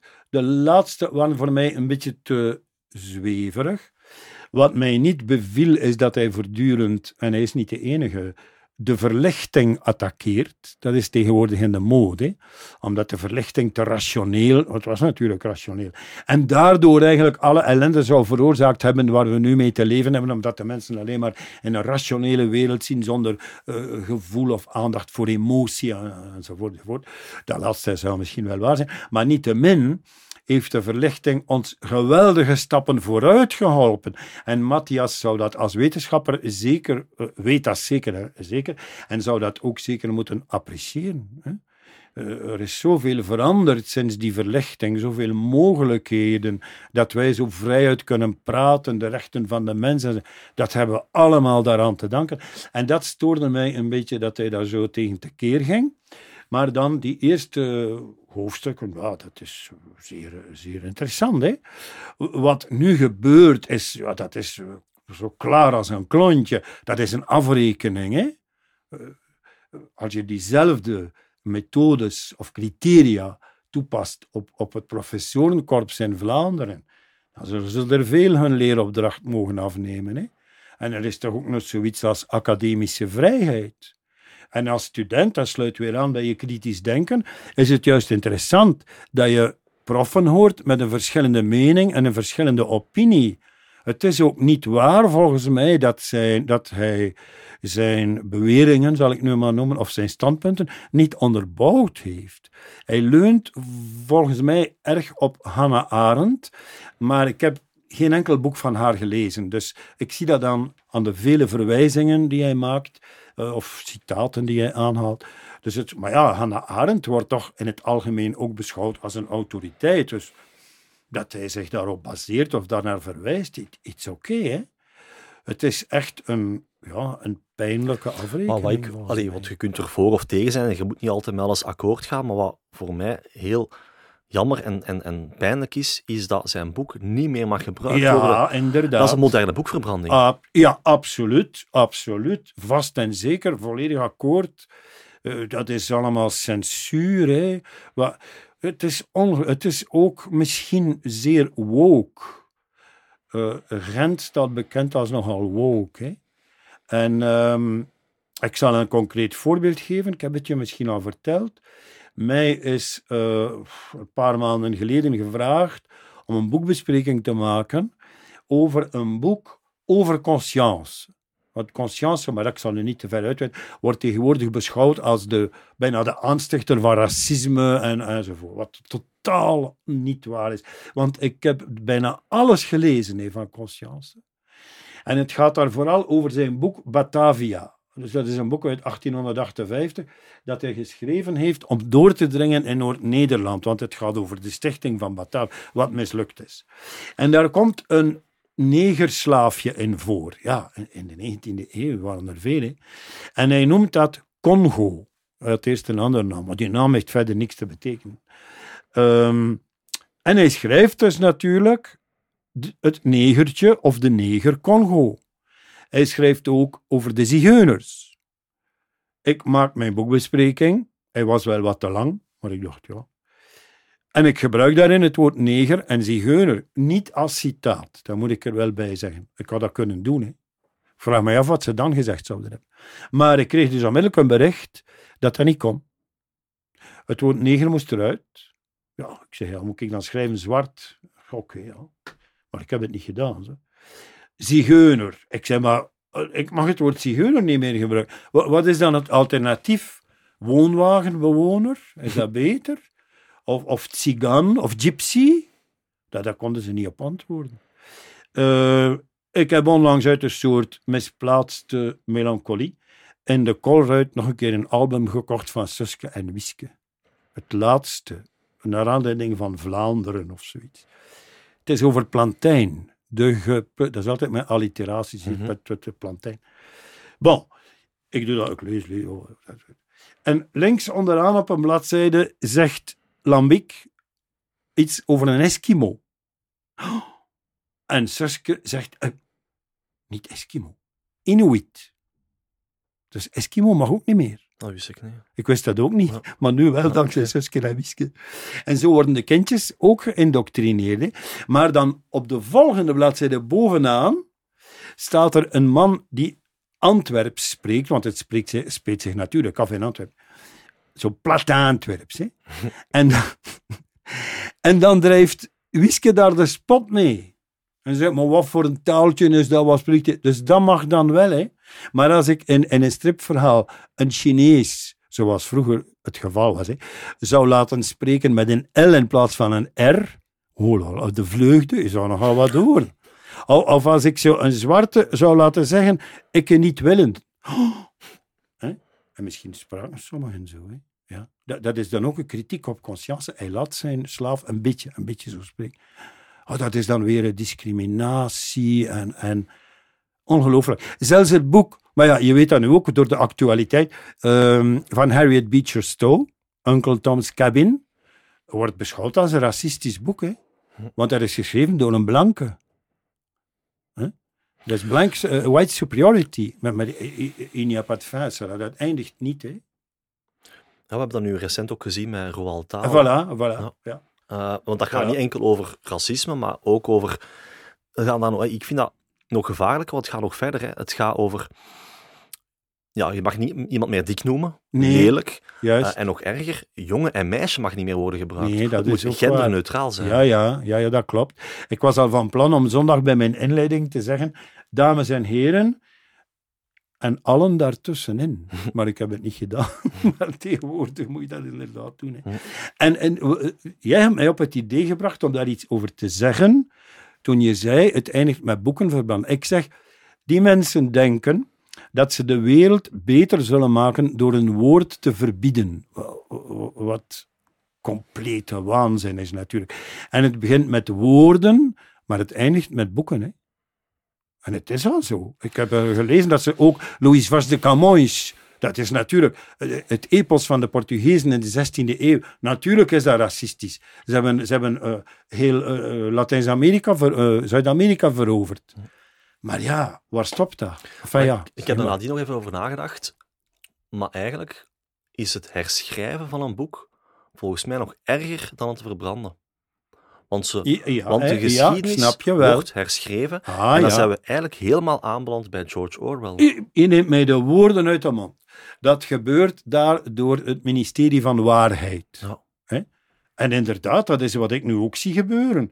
De geschiedenis wordt herschreven. Leopold II kreeg van alle soorten verwijten, maar de koningin van Engeland, Victoria, was geen haar beter. Hè? En die van Nederland ook niet. En het is dezelfde vraag weer, waar eindigt dat? Ik heb je dan misschien vorige keer in ons interview ook gezegd. Als je kijkt naar de geschiedenis, ja, al die mannen over wie we geleerd hebben in onze geschiedenisboekjes, en waarvan we prentjes hadden in 's lands glorie, dat waren allemaal bandieten. Hè? Die hebben dus allemaal tienduizenden mensen de dood ingejaagd zonder enige compassie. Noem ze maar op. Je, er blijft gewoon niks over. Moeten de Fransen alle beelden van Napoleon naar beneden halen? Karel de Grote, keizer Karel, Alexander de Grote, Julius Caesar. Allemaal moordenaars, hè? Hm. Maar ja, toen werd er dus het voetvolk in een leger, dat werd gewoon beschouwd als niks, hè? Als niks. Eh, eh, bij eh, de slag van Waterloo verscheen in de Engelse kranten al wie er eh, dus gesneuveld was of gehandicapt. Dat zat er allemaal in, hè? Maar dat eindigde bij de officieren. Hè? En de gewone soldaten, nobody cared. Hm. Dus heel die mentaliteit, dat, dat vind ik ook zo arrogant. Dat dus die mensen die nu al die boeken willen herschrijven en verbeteren enzovoort, dat die denken dat zij nu eens en voor altijd en voor de eeuwigheid de, de werkelijke en ware ethiek uitgevonden hebben. Maar dat is zo onderhevig aan de mode als alles. De, de volgende generatie denkt daar zeker anders over. Eén voorbeeld. Al die NGO's die nu in Afrika gaan leren aan de volkeren hoe ze een waterput moeten maken of hun land beter bemesten enzovoort. Ah, die, die mensen die dat nu doen, vinden dat fantastisch, ontwikkelingshulp. Maar de volgende generatie zal misschien zeggen dat was neocolonialisme. Waarom dacht je dat die zwarten niet zelf in staat waren om een put te graven of om boeken te lezen of god weet wat, om hun land beter te bemesten? En dan zijn diegenen die nu menen het allemaal eindelijk voor altijd te weten, dan zijn die de kop van Jut. En dat beseffen ze niet. Dus dat, eh, eh, ze hebben niet dat gevoel voor de relativiteit van die dingen. Ik bedoel, als ik een boek lees van conscience, ja, dan lees ik dat als een boek van conscience natuurlijk. Niet met de ogen of de brains van iemand van nu. Hoe kan je dat nu verlangen van die man? Je kunt dat niet. Eh, Ik denk, Umberto Eco heeft een keer in een interview gezegd: Je kunt niet verwachten van Bach dat hij jazzmuziek geschreven zou hebben. Ik vind dat een mooie vergelijking. Mhm. En dan nu zijn, oh maar ja, Bach, dat was toch niet, want hij heeft geen jazzmuziek. Allee, dat slaat toch nergens op. Men moet de dingen, en, en dat zou de hoofdopdracht moeten zijn, denk ik, van het onderwijs, in aansluiting met geschiedenisonderwijs en het kritisch denken. Men zou de leerlingen moeten leren om alles in hun context te zien. Eh, In zijn context te zien, sorry. En, en dan zijn al die waarschuwingen in die boeken niet meer nodig. Dat is wel belachelijk. Dat je dan op bladzijde 1 zet, dit boek bevat enkele racisten. Ja, bon. Of dat je het inderdaad begint te veranderen, hè, zoals je zegt, en eindigt met het boek gewoon te verbieden. Want als je al die dingen eruit haalt die er niet meer in mogen, dan heb je niks meer over. En zeker niet een beeld van de auteur zoals die toen was en dacht en schreef.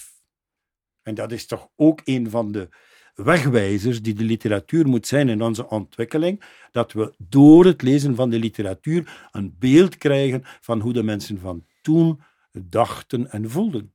Hebben we eigenlijk al gezien in de geschiedenis wat er vandaag gebeurt? Buiten misschien eh Ja, in na- dit, Nazi-Duitsland? eh, ja, ik denk het. Ik kan niet direct eh, een voorbeeld bedenken. Ik denk wel dat er in de Inquisitie, met de boeken van eh, Bruno, die levend verbrand is, ja, dat men, eh, Galileo, men, boeken verboden heeft en er waarschijnlijk ook wel een aantal verbrand heeft, hoor. Ik vraag me af of het ook niet door, door Luther gebeurd is, maar dat is onder voorbehoud. Ik zou het moeten checken. Is het ook eigenlijk geen teken van een nakend einde van... nee, als een overheid of een instantie zulke maatregelen moet nemen, luidt dat eigenlijk niet het begin van het einde in? Ik weet het niet. Ik vraag mij... Kijk, je hebt natuurlijk in je leven maar een beperkt aantal uren om te lezen en, en informatie te krijgen enzovoort. Die jongeren van nu, die worden van alle kanten bestookt met informatie. En mijn gevoel is, als ik jonge vrienden die ik heb bezig zie, dat zij veel meer openstaan om iets te beluisteren dan om iets te lezen. Als ik een probleem heb met mijn computer, en ik vraag dat aan iemand die veel jonger is, want die, die, die mannen die kennen dat. Hè. En ze kunnen het niet oplossen. Wat doen ze dan? Dan typen ze in Google de vraag. Dan komen er een hele reeks antwoorden. De antwoorden in de vorm van tekst, die bekijken ze zelfs niet. Ze gaan onmiddellijk naar een antwoord in de vorm van een filmpje. Dat filmpje beluisteren ze dan in high speed. En dan weten ze, ik weet niet op welke miraculeuze wijze, ze op een bepaald moment op stop moeten doen of pauze. En dan begint de uitleg in normale taal. En dan zeggen ze: Oké, Filip, we will do this. En het is gewacht. Dus ehm, ik wil maar zeggen: de vaardigheden en de kennis die in die hoofden zitten, is niet dezelfde als die in onze hoofden. Maar de vraag is dan nog: is dat een achteruitgang? Is het een vooruitgang? Of is het gewoon de evolutie. Kijk, de, ik, vroeger, heel vroeger natuurlijk, 2000 jaar geleden, sprak men Latijn, hè, dat weet je. Ik kan me goed voorstellen dat de leraars in de Latijnse school, die voor het eerst hun leerling hoorden zeggen Cicero in plaats van Cicero, dat die dachten, oh, de taalverloedering begint hier. Wat ook waar was natuurlijk. Maar dan uit het volkslatijn dat daaruit ontstaan is, is dan wel het Roemeens ontstaan. En het Portugees en het Spaans en het Frans en het Italiaans. En is er nu een taal in de wereld mooier en zangeriger dan het Italiaans? Dus uit dingen die evolueren en waarvan wij denken, het is toch jammer dat ze verloren gaan, kunnen soms nieuwe dingen ontstaan die dan weer heel mooi zijn. Dus eh, who knows. Maar ik denk inderdaad wel dat de jongeren van nu en van de toekomst veel minder of praktisch niet meer zullen lezen in boeken. Hè. Als ze nog iets lezen, is het op het scherm. En hoe zie je dan de toekomst, los van het onderwijs, maar uh, wel, de maatschappij? Ik denk ook altijd, kijk, de, oké, het onderwijs kan achteruit gaan. De leerlingen zullen minder kritisch zijn. Ze weten minder uit de boeken van wat wij weten. Maar niettemin worden er nog ieder jaar de uh, ingenieurs, technici, informatici de wereld ingestuurd die tot veel fantastischer zaken in staat zijn dan de mensheid ooit geweest is. Dus er is nog altijd een groep van hele intelligente mensen. Hè? En is dat ooit anders geweest? Vroeger was het ook een zeer beperkte groep van geleerden, en de rest, ja. In feite, het feit dat die studenten van nu tenminste al kunnen lezen en schrijven, en e-mails kunnen schrijven, en dat is toch al een enorme vooruitgang vergeleken bij onze grootouders, die, die op akten eh, niet tekenden, omdat er dan op stond, ik heb veel akten gelezen, dat ze niet konden schrijven. En dat gaat dan over onze grootouders, niet over de middeleeuwen. Hè. Dus ja, er is daar altijd een positieve kant aan, een negatieve kant. En uh, je kunt er toch niet veel aan doen. Hè. Dus we moeten afwachten wat de toekomst ons zal brengen. Maar zoals ik zei, door alles waar men nu toe in staat is, in informatica, elektronica, robotica enzovoort, eh, geneeskunde, hè, dat zijn ja, fantastische dingen eigenlijk. Hè. Hm. Voilà. En de maatschappij, hoe zie je die evolueren? Ja, als die Schwab hier zijn eh, plan kan doorvoeren, dan zullen we evolueren naar een maatschappij die veel individualistischer is. Uh, dat is nu eigenlijk ook al een beetje bezig. Hè?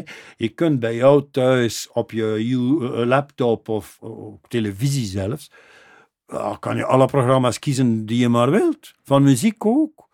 Dus daardoor ook valt de maatschappij meer uiteen. Vroeger op de trein bijvoorbeeld zag je mensen die de vorige avond naar de laatste afleveringen gekeken hadden van Thuis of, of, zoiets in die trant. En dat creëerde een gemeenschapsgevoel, want die konden daarover praten en zeggen: Die heb je dat gezien en die, die vrijt met die en die is dood. En maar nu kijkt iedereen naar zijn eigen programma. Dus ik denk, en dat is ook een beetje de bedoeling, denk ik, van Schwab, dat we meer en meer evolueren naar uh, individuele, naar een individuele maatschappij. Um, wil ik dat ik nog iets vertel over? Nee, nee het ding is, is van, um, we zitten ja, terug Schwab aangehaald hè, ja. met, met, zijn, met zijn agenda. Uh, hè, want hij heeft daar die befaamde uitspraak gedaan: You will be happy and you will own nothing. Ja, ja oké, ik zal daar straks iets over. Enfin, daar oh, zeg maar, sorry, ik heb je ja? Wel, no, no, no, no. Die uitspraak heb ik in die twee boeken niet gevonden. Want ik heb ze in pdf, dus ik kan gemakkelijk zoeken. Hè. Maar ik heb wel gelezen dat het ooit eens verschenen zou zijn op een slide, die intussen niet meer te vinden is. Dus, maar het heeft eigenlijk niet veel belang of het letterlijk is of niet. Het geeft zeer goed weer wat hij wil. hè. Zoals er bijvoorbeeld, als ik dat even mag zeggen, over Voltaire eh, verteld wordt. ehm, ik keur af uh, what you say, but I will defend to the death your right to say it. Maar dat heeft Voltaire nooit gezegd. Hè. Dat komt uit een biografie van 1906 onder de titel Voltaire en zijn vrienden, geschreven door een Engelse dame, Hal, maar haar boek is onder het pseudoniem. Want dat citaat bestaat alleen maar in het Engels. En Voltaire schreef in het Frans. Hè. Maar het geeft wel goed Maar weer. het geeft Ja. zeer goed weer wat vol, hoe zeer goed. En ze, is, hij, ze heeft dat tussen aanhalingstekens gezet, wat ze niet had mogen doen, Mhm. waardoor men gedacht heeft dat het een citaat was. Hè. Ja. Maar in verband nog met dat individualistische, wat men ook aan het doen is, en dat staat eigenlijk ook bij Schwab, is het individuele bezit afnemen en zorgen dat je geen beheer meer hebt over je eigendommen. Ik zal het even illustreren als ik nog mag. Kijk, ik heb een paar huisjes in Leuven die ik verhuur. Dat ging tot vorig jaar prima, aan een hele redelijke prijs, want ik ben zeker geen huisjesmelker. Het laatste jaar is dat compleet veranderd. Ik had contracten 3, 6, 9. Dan kan je dus als een huurder eh, je huis afbreekt, stoppen. In 2018 heeft de Vlaamse regering beslist dat alle contracten die niet opgezegd worden in het eerste jaar, automatisch contracten worden van 9 jaar. Dus je kunt er geen kant uit. Dan heeft men uitgevonden dat als je een EPC, een energieprestatiecertificaat, hebt als verhuurder van meer dan 400, mag je dit jaar geen eh, indexaanpassing doen. Tussen 300 en 450 procent, daaronder 100 procent. Ja. Wat is het resultaat? Al de huurders vragen nu aan de verhuurder dat EPC-certificaat. Twaalf jaar geleden was zo'n certificaat iets tussen de huurder en de verhuurder. Nu gaat dat naar de overheid in een gigantische databank. En de bedoeling is dat ze op zeer korte termijn van alle verhuurde huizen een energieprestatiecertificaat hebben. Dat is soms twintig bladzijden dik, zo'n certificaat.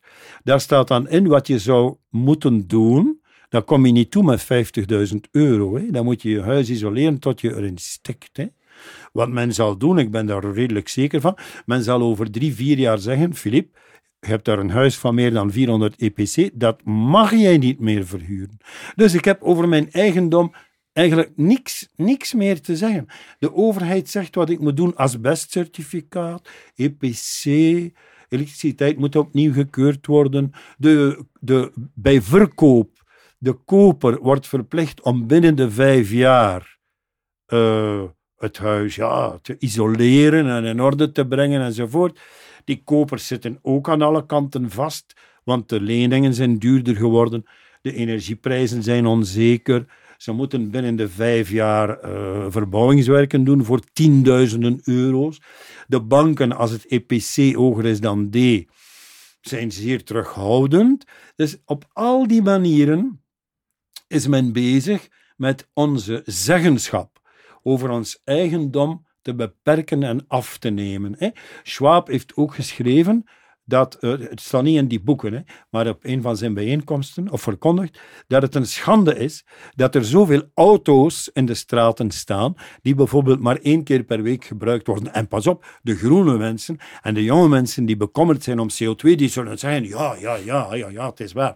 En wat hij dus wil, is dat die individueel, eh, individueel, dit individuele bezit van auto's verdwijnt. En dat er alleen nog maar auto's zijn van de overheid die je zult kunnen huren. En hetzelfde zijn ze volgens mij van plan met die huizen. Hè?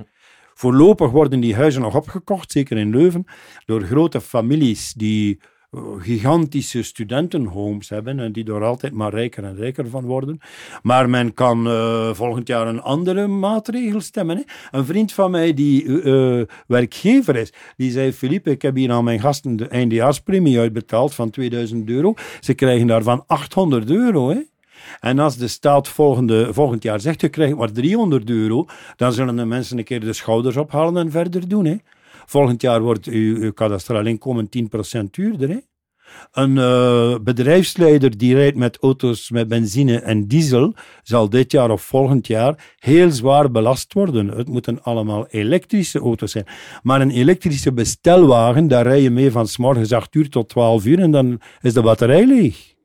Bovendien, dat is ook een fabeltje, maar ja, we kunnen zo natuurlijk nog uren bezig blijven. Die elektrische auto's zijn absoluut niet milieuvriendelijker. Hè? De, de productie daarvan produceert veel meer CO2 dan van een gewone auto. In een gewone auto zit er 20 kilo koper en in een elektrische 70 kilo, plus al die vuile batterijen.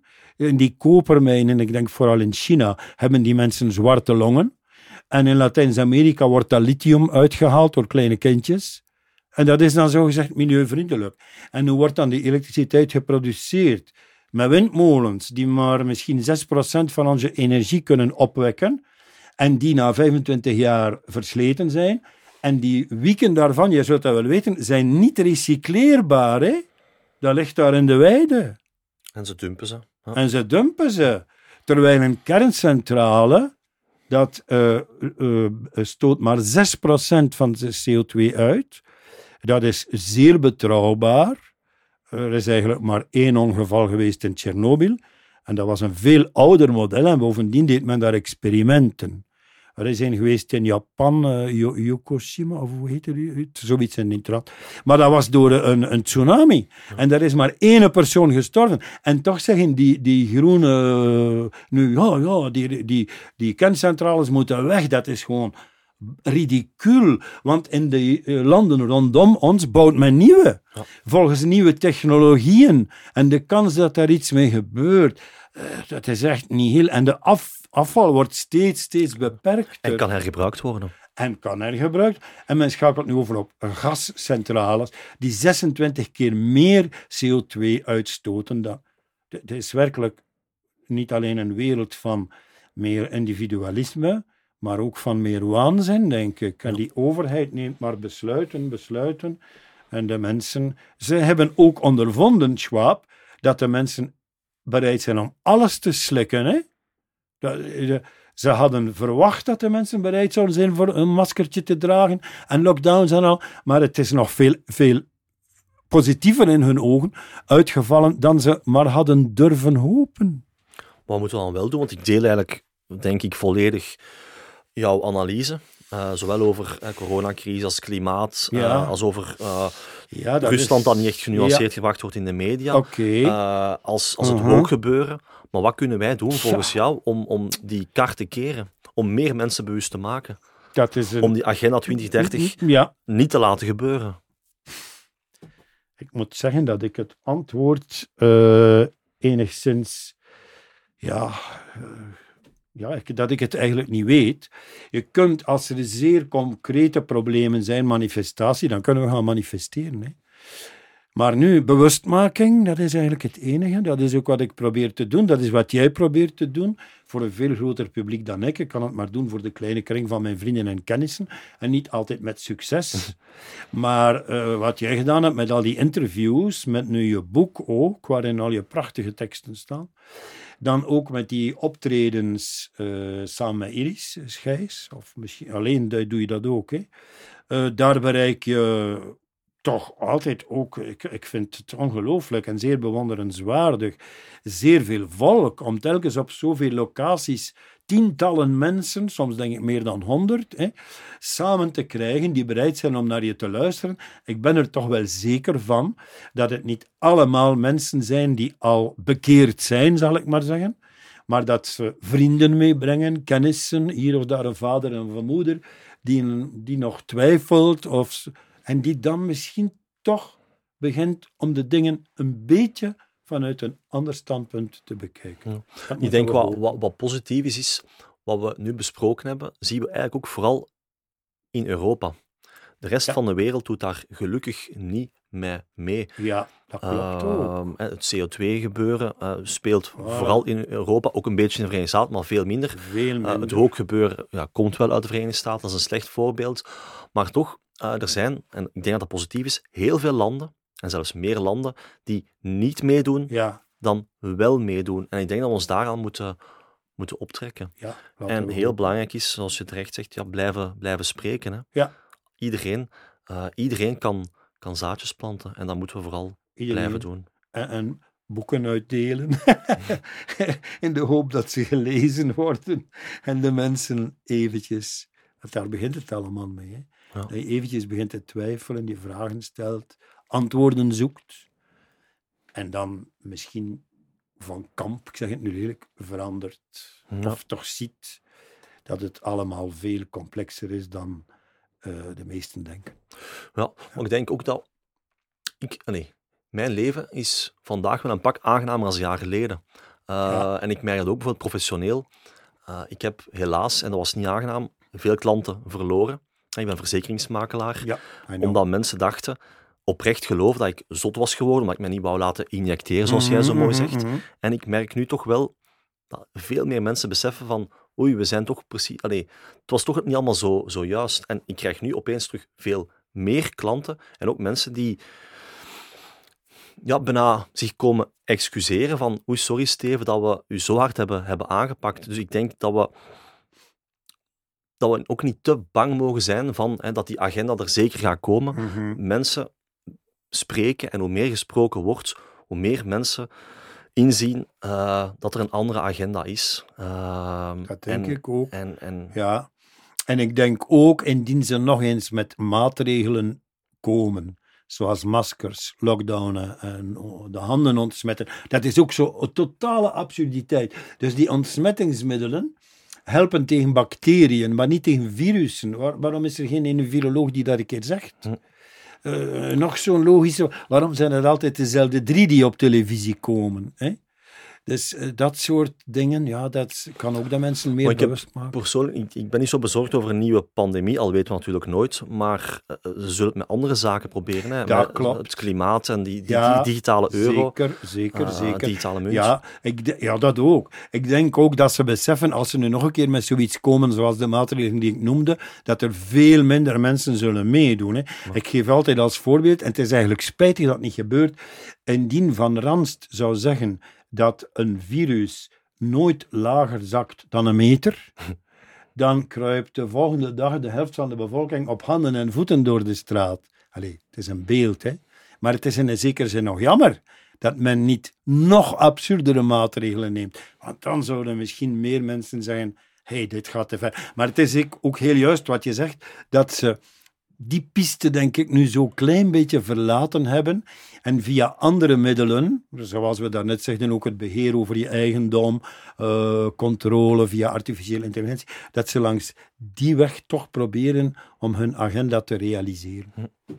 Maar dan moeten we eigenlijk een beetje hopen dat ze echt dwaze maatregelen gaan nemen. Ja, ik Want denk hoe dat dwazer ook. ze zijn, ja. hoe meer mensen het zullen doorprikken. Absoluut. Hoe, meer, uh, ja. hoe minder mensen erin zullen trappen, laten ja. we het zo zeggen. Ja, klopt. Voilà. Nee, super. Heb je nog een allerlaatste boodschap die je graag zou willen meegeven? Uh, nee, nee. Omdat we toch nee, bedankt, bedankt dat je mij twee keer geïnviteerd hebt. En bedankt voor de gastvrijheid van de filmploeg, zal ik maar zeggen. Nee, wij zijn heel dankbaar dat je verschijnen. Hè. opnieuw ja. wou, wou langs. Ja, de boodschap, mijn boodschap is eigenlijk van lees, lees, lees. Er bestaan zoveel boeken. Stuur mij een e-mail. Je mag mijn e-mailadres uh, bekend maken. We zullen het verwijzen. En uh, ik kan... Dan ga je wel heel veel mails krijgen. Uh, het is te hopen. dan kan ik misschien ook wel mails waarin ik uitgescholden ja, word. Die, die kans bestaat ook. Delete.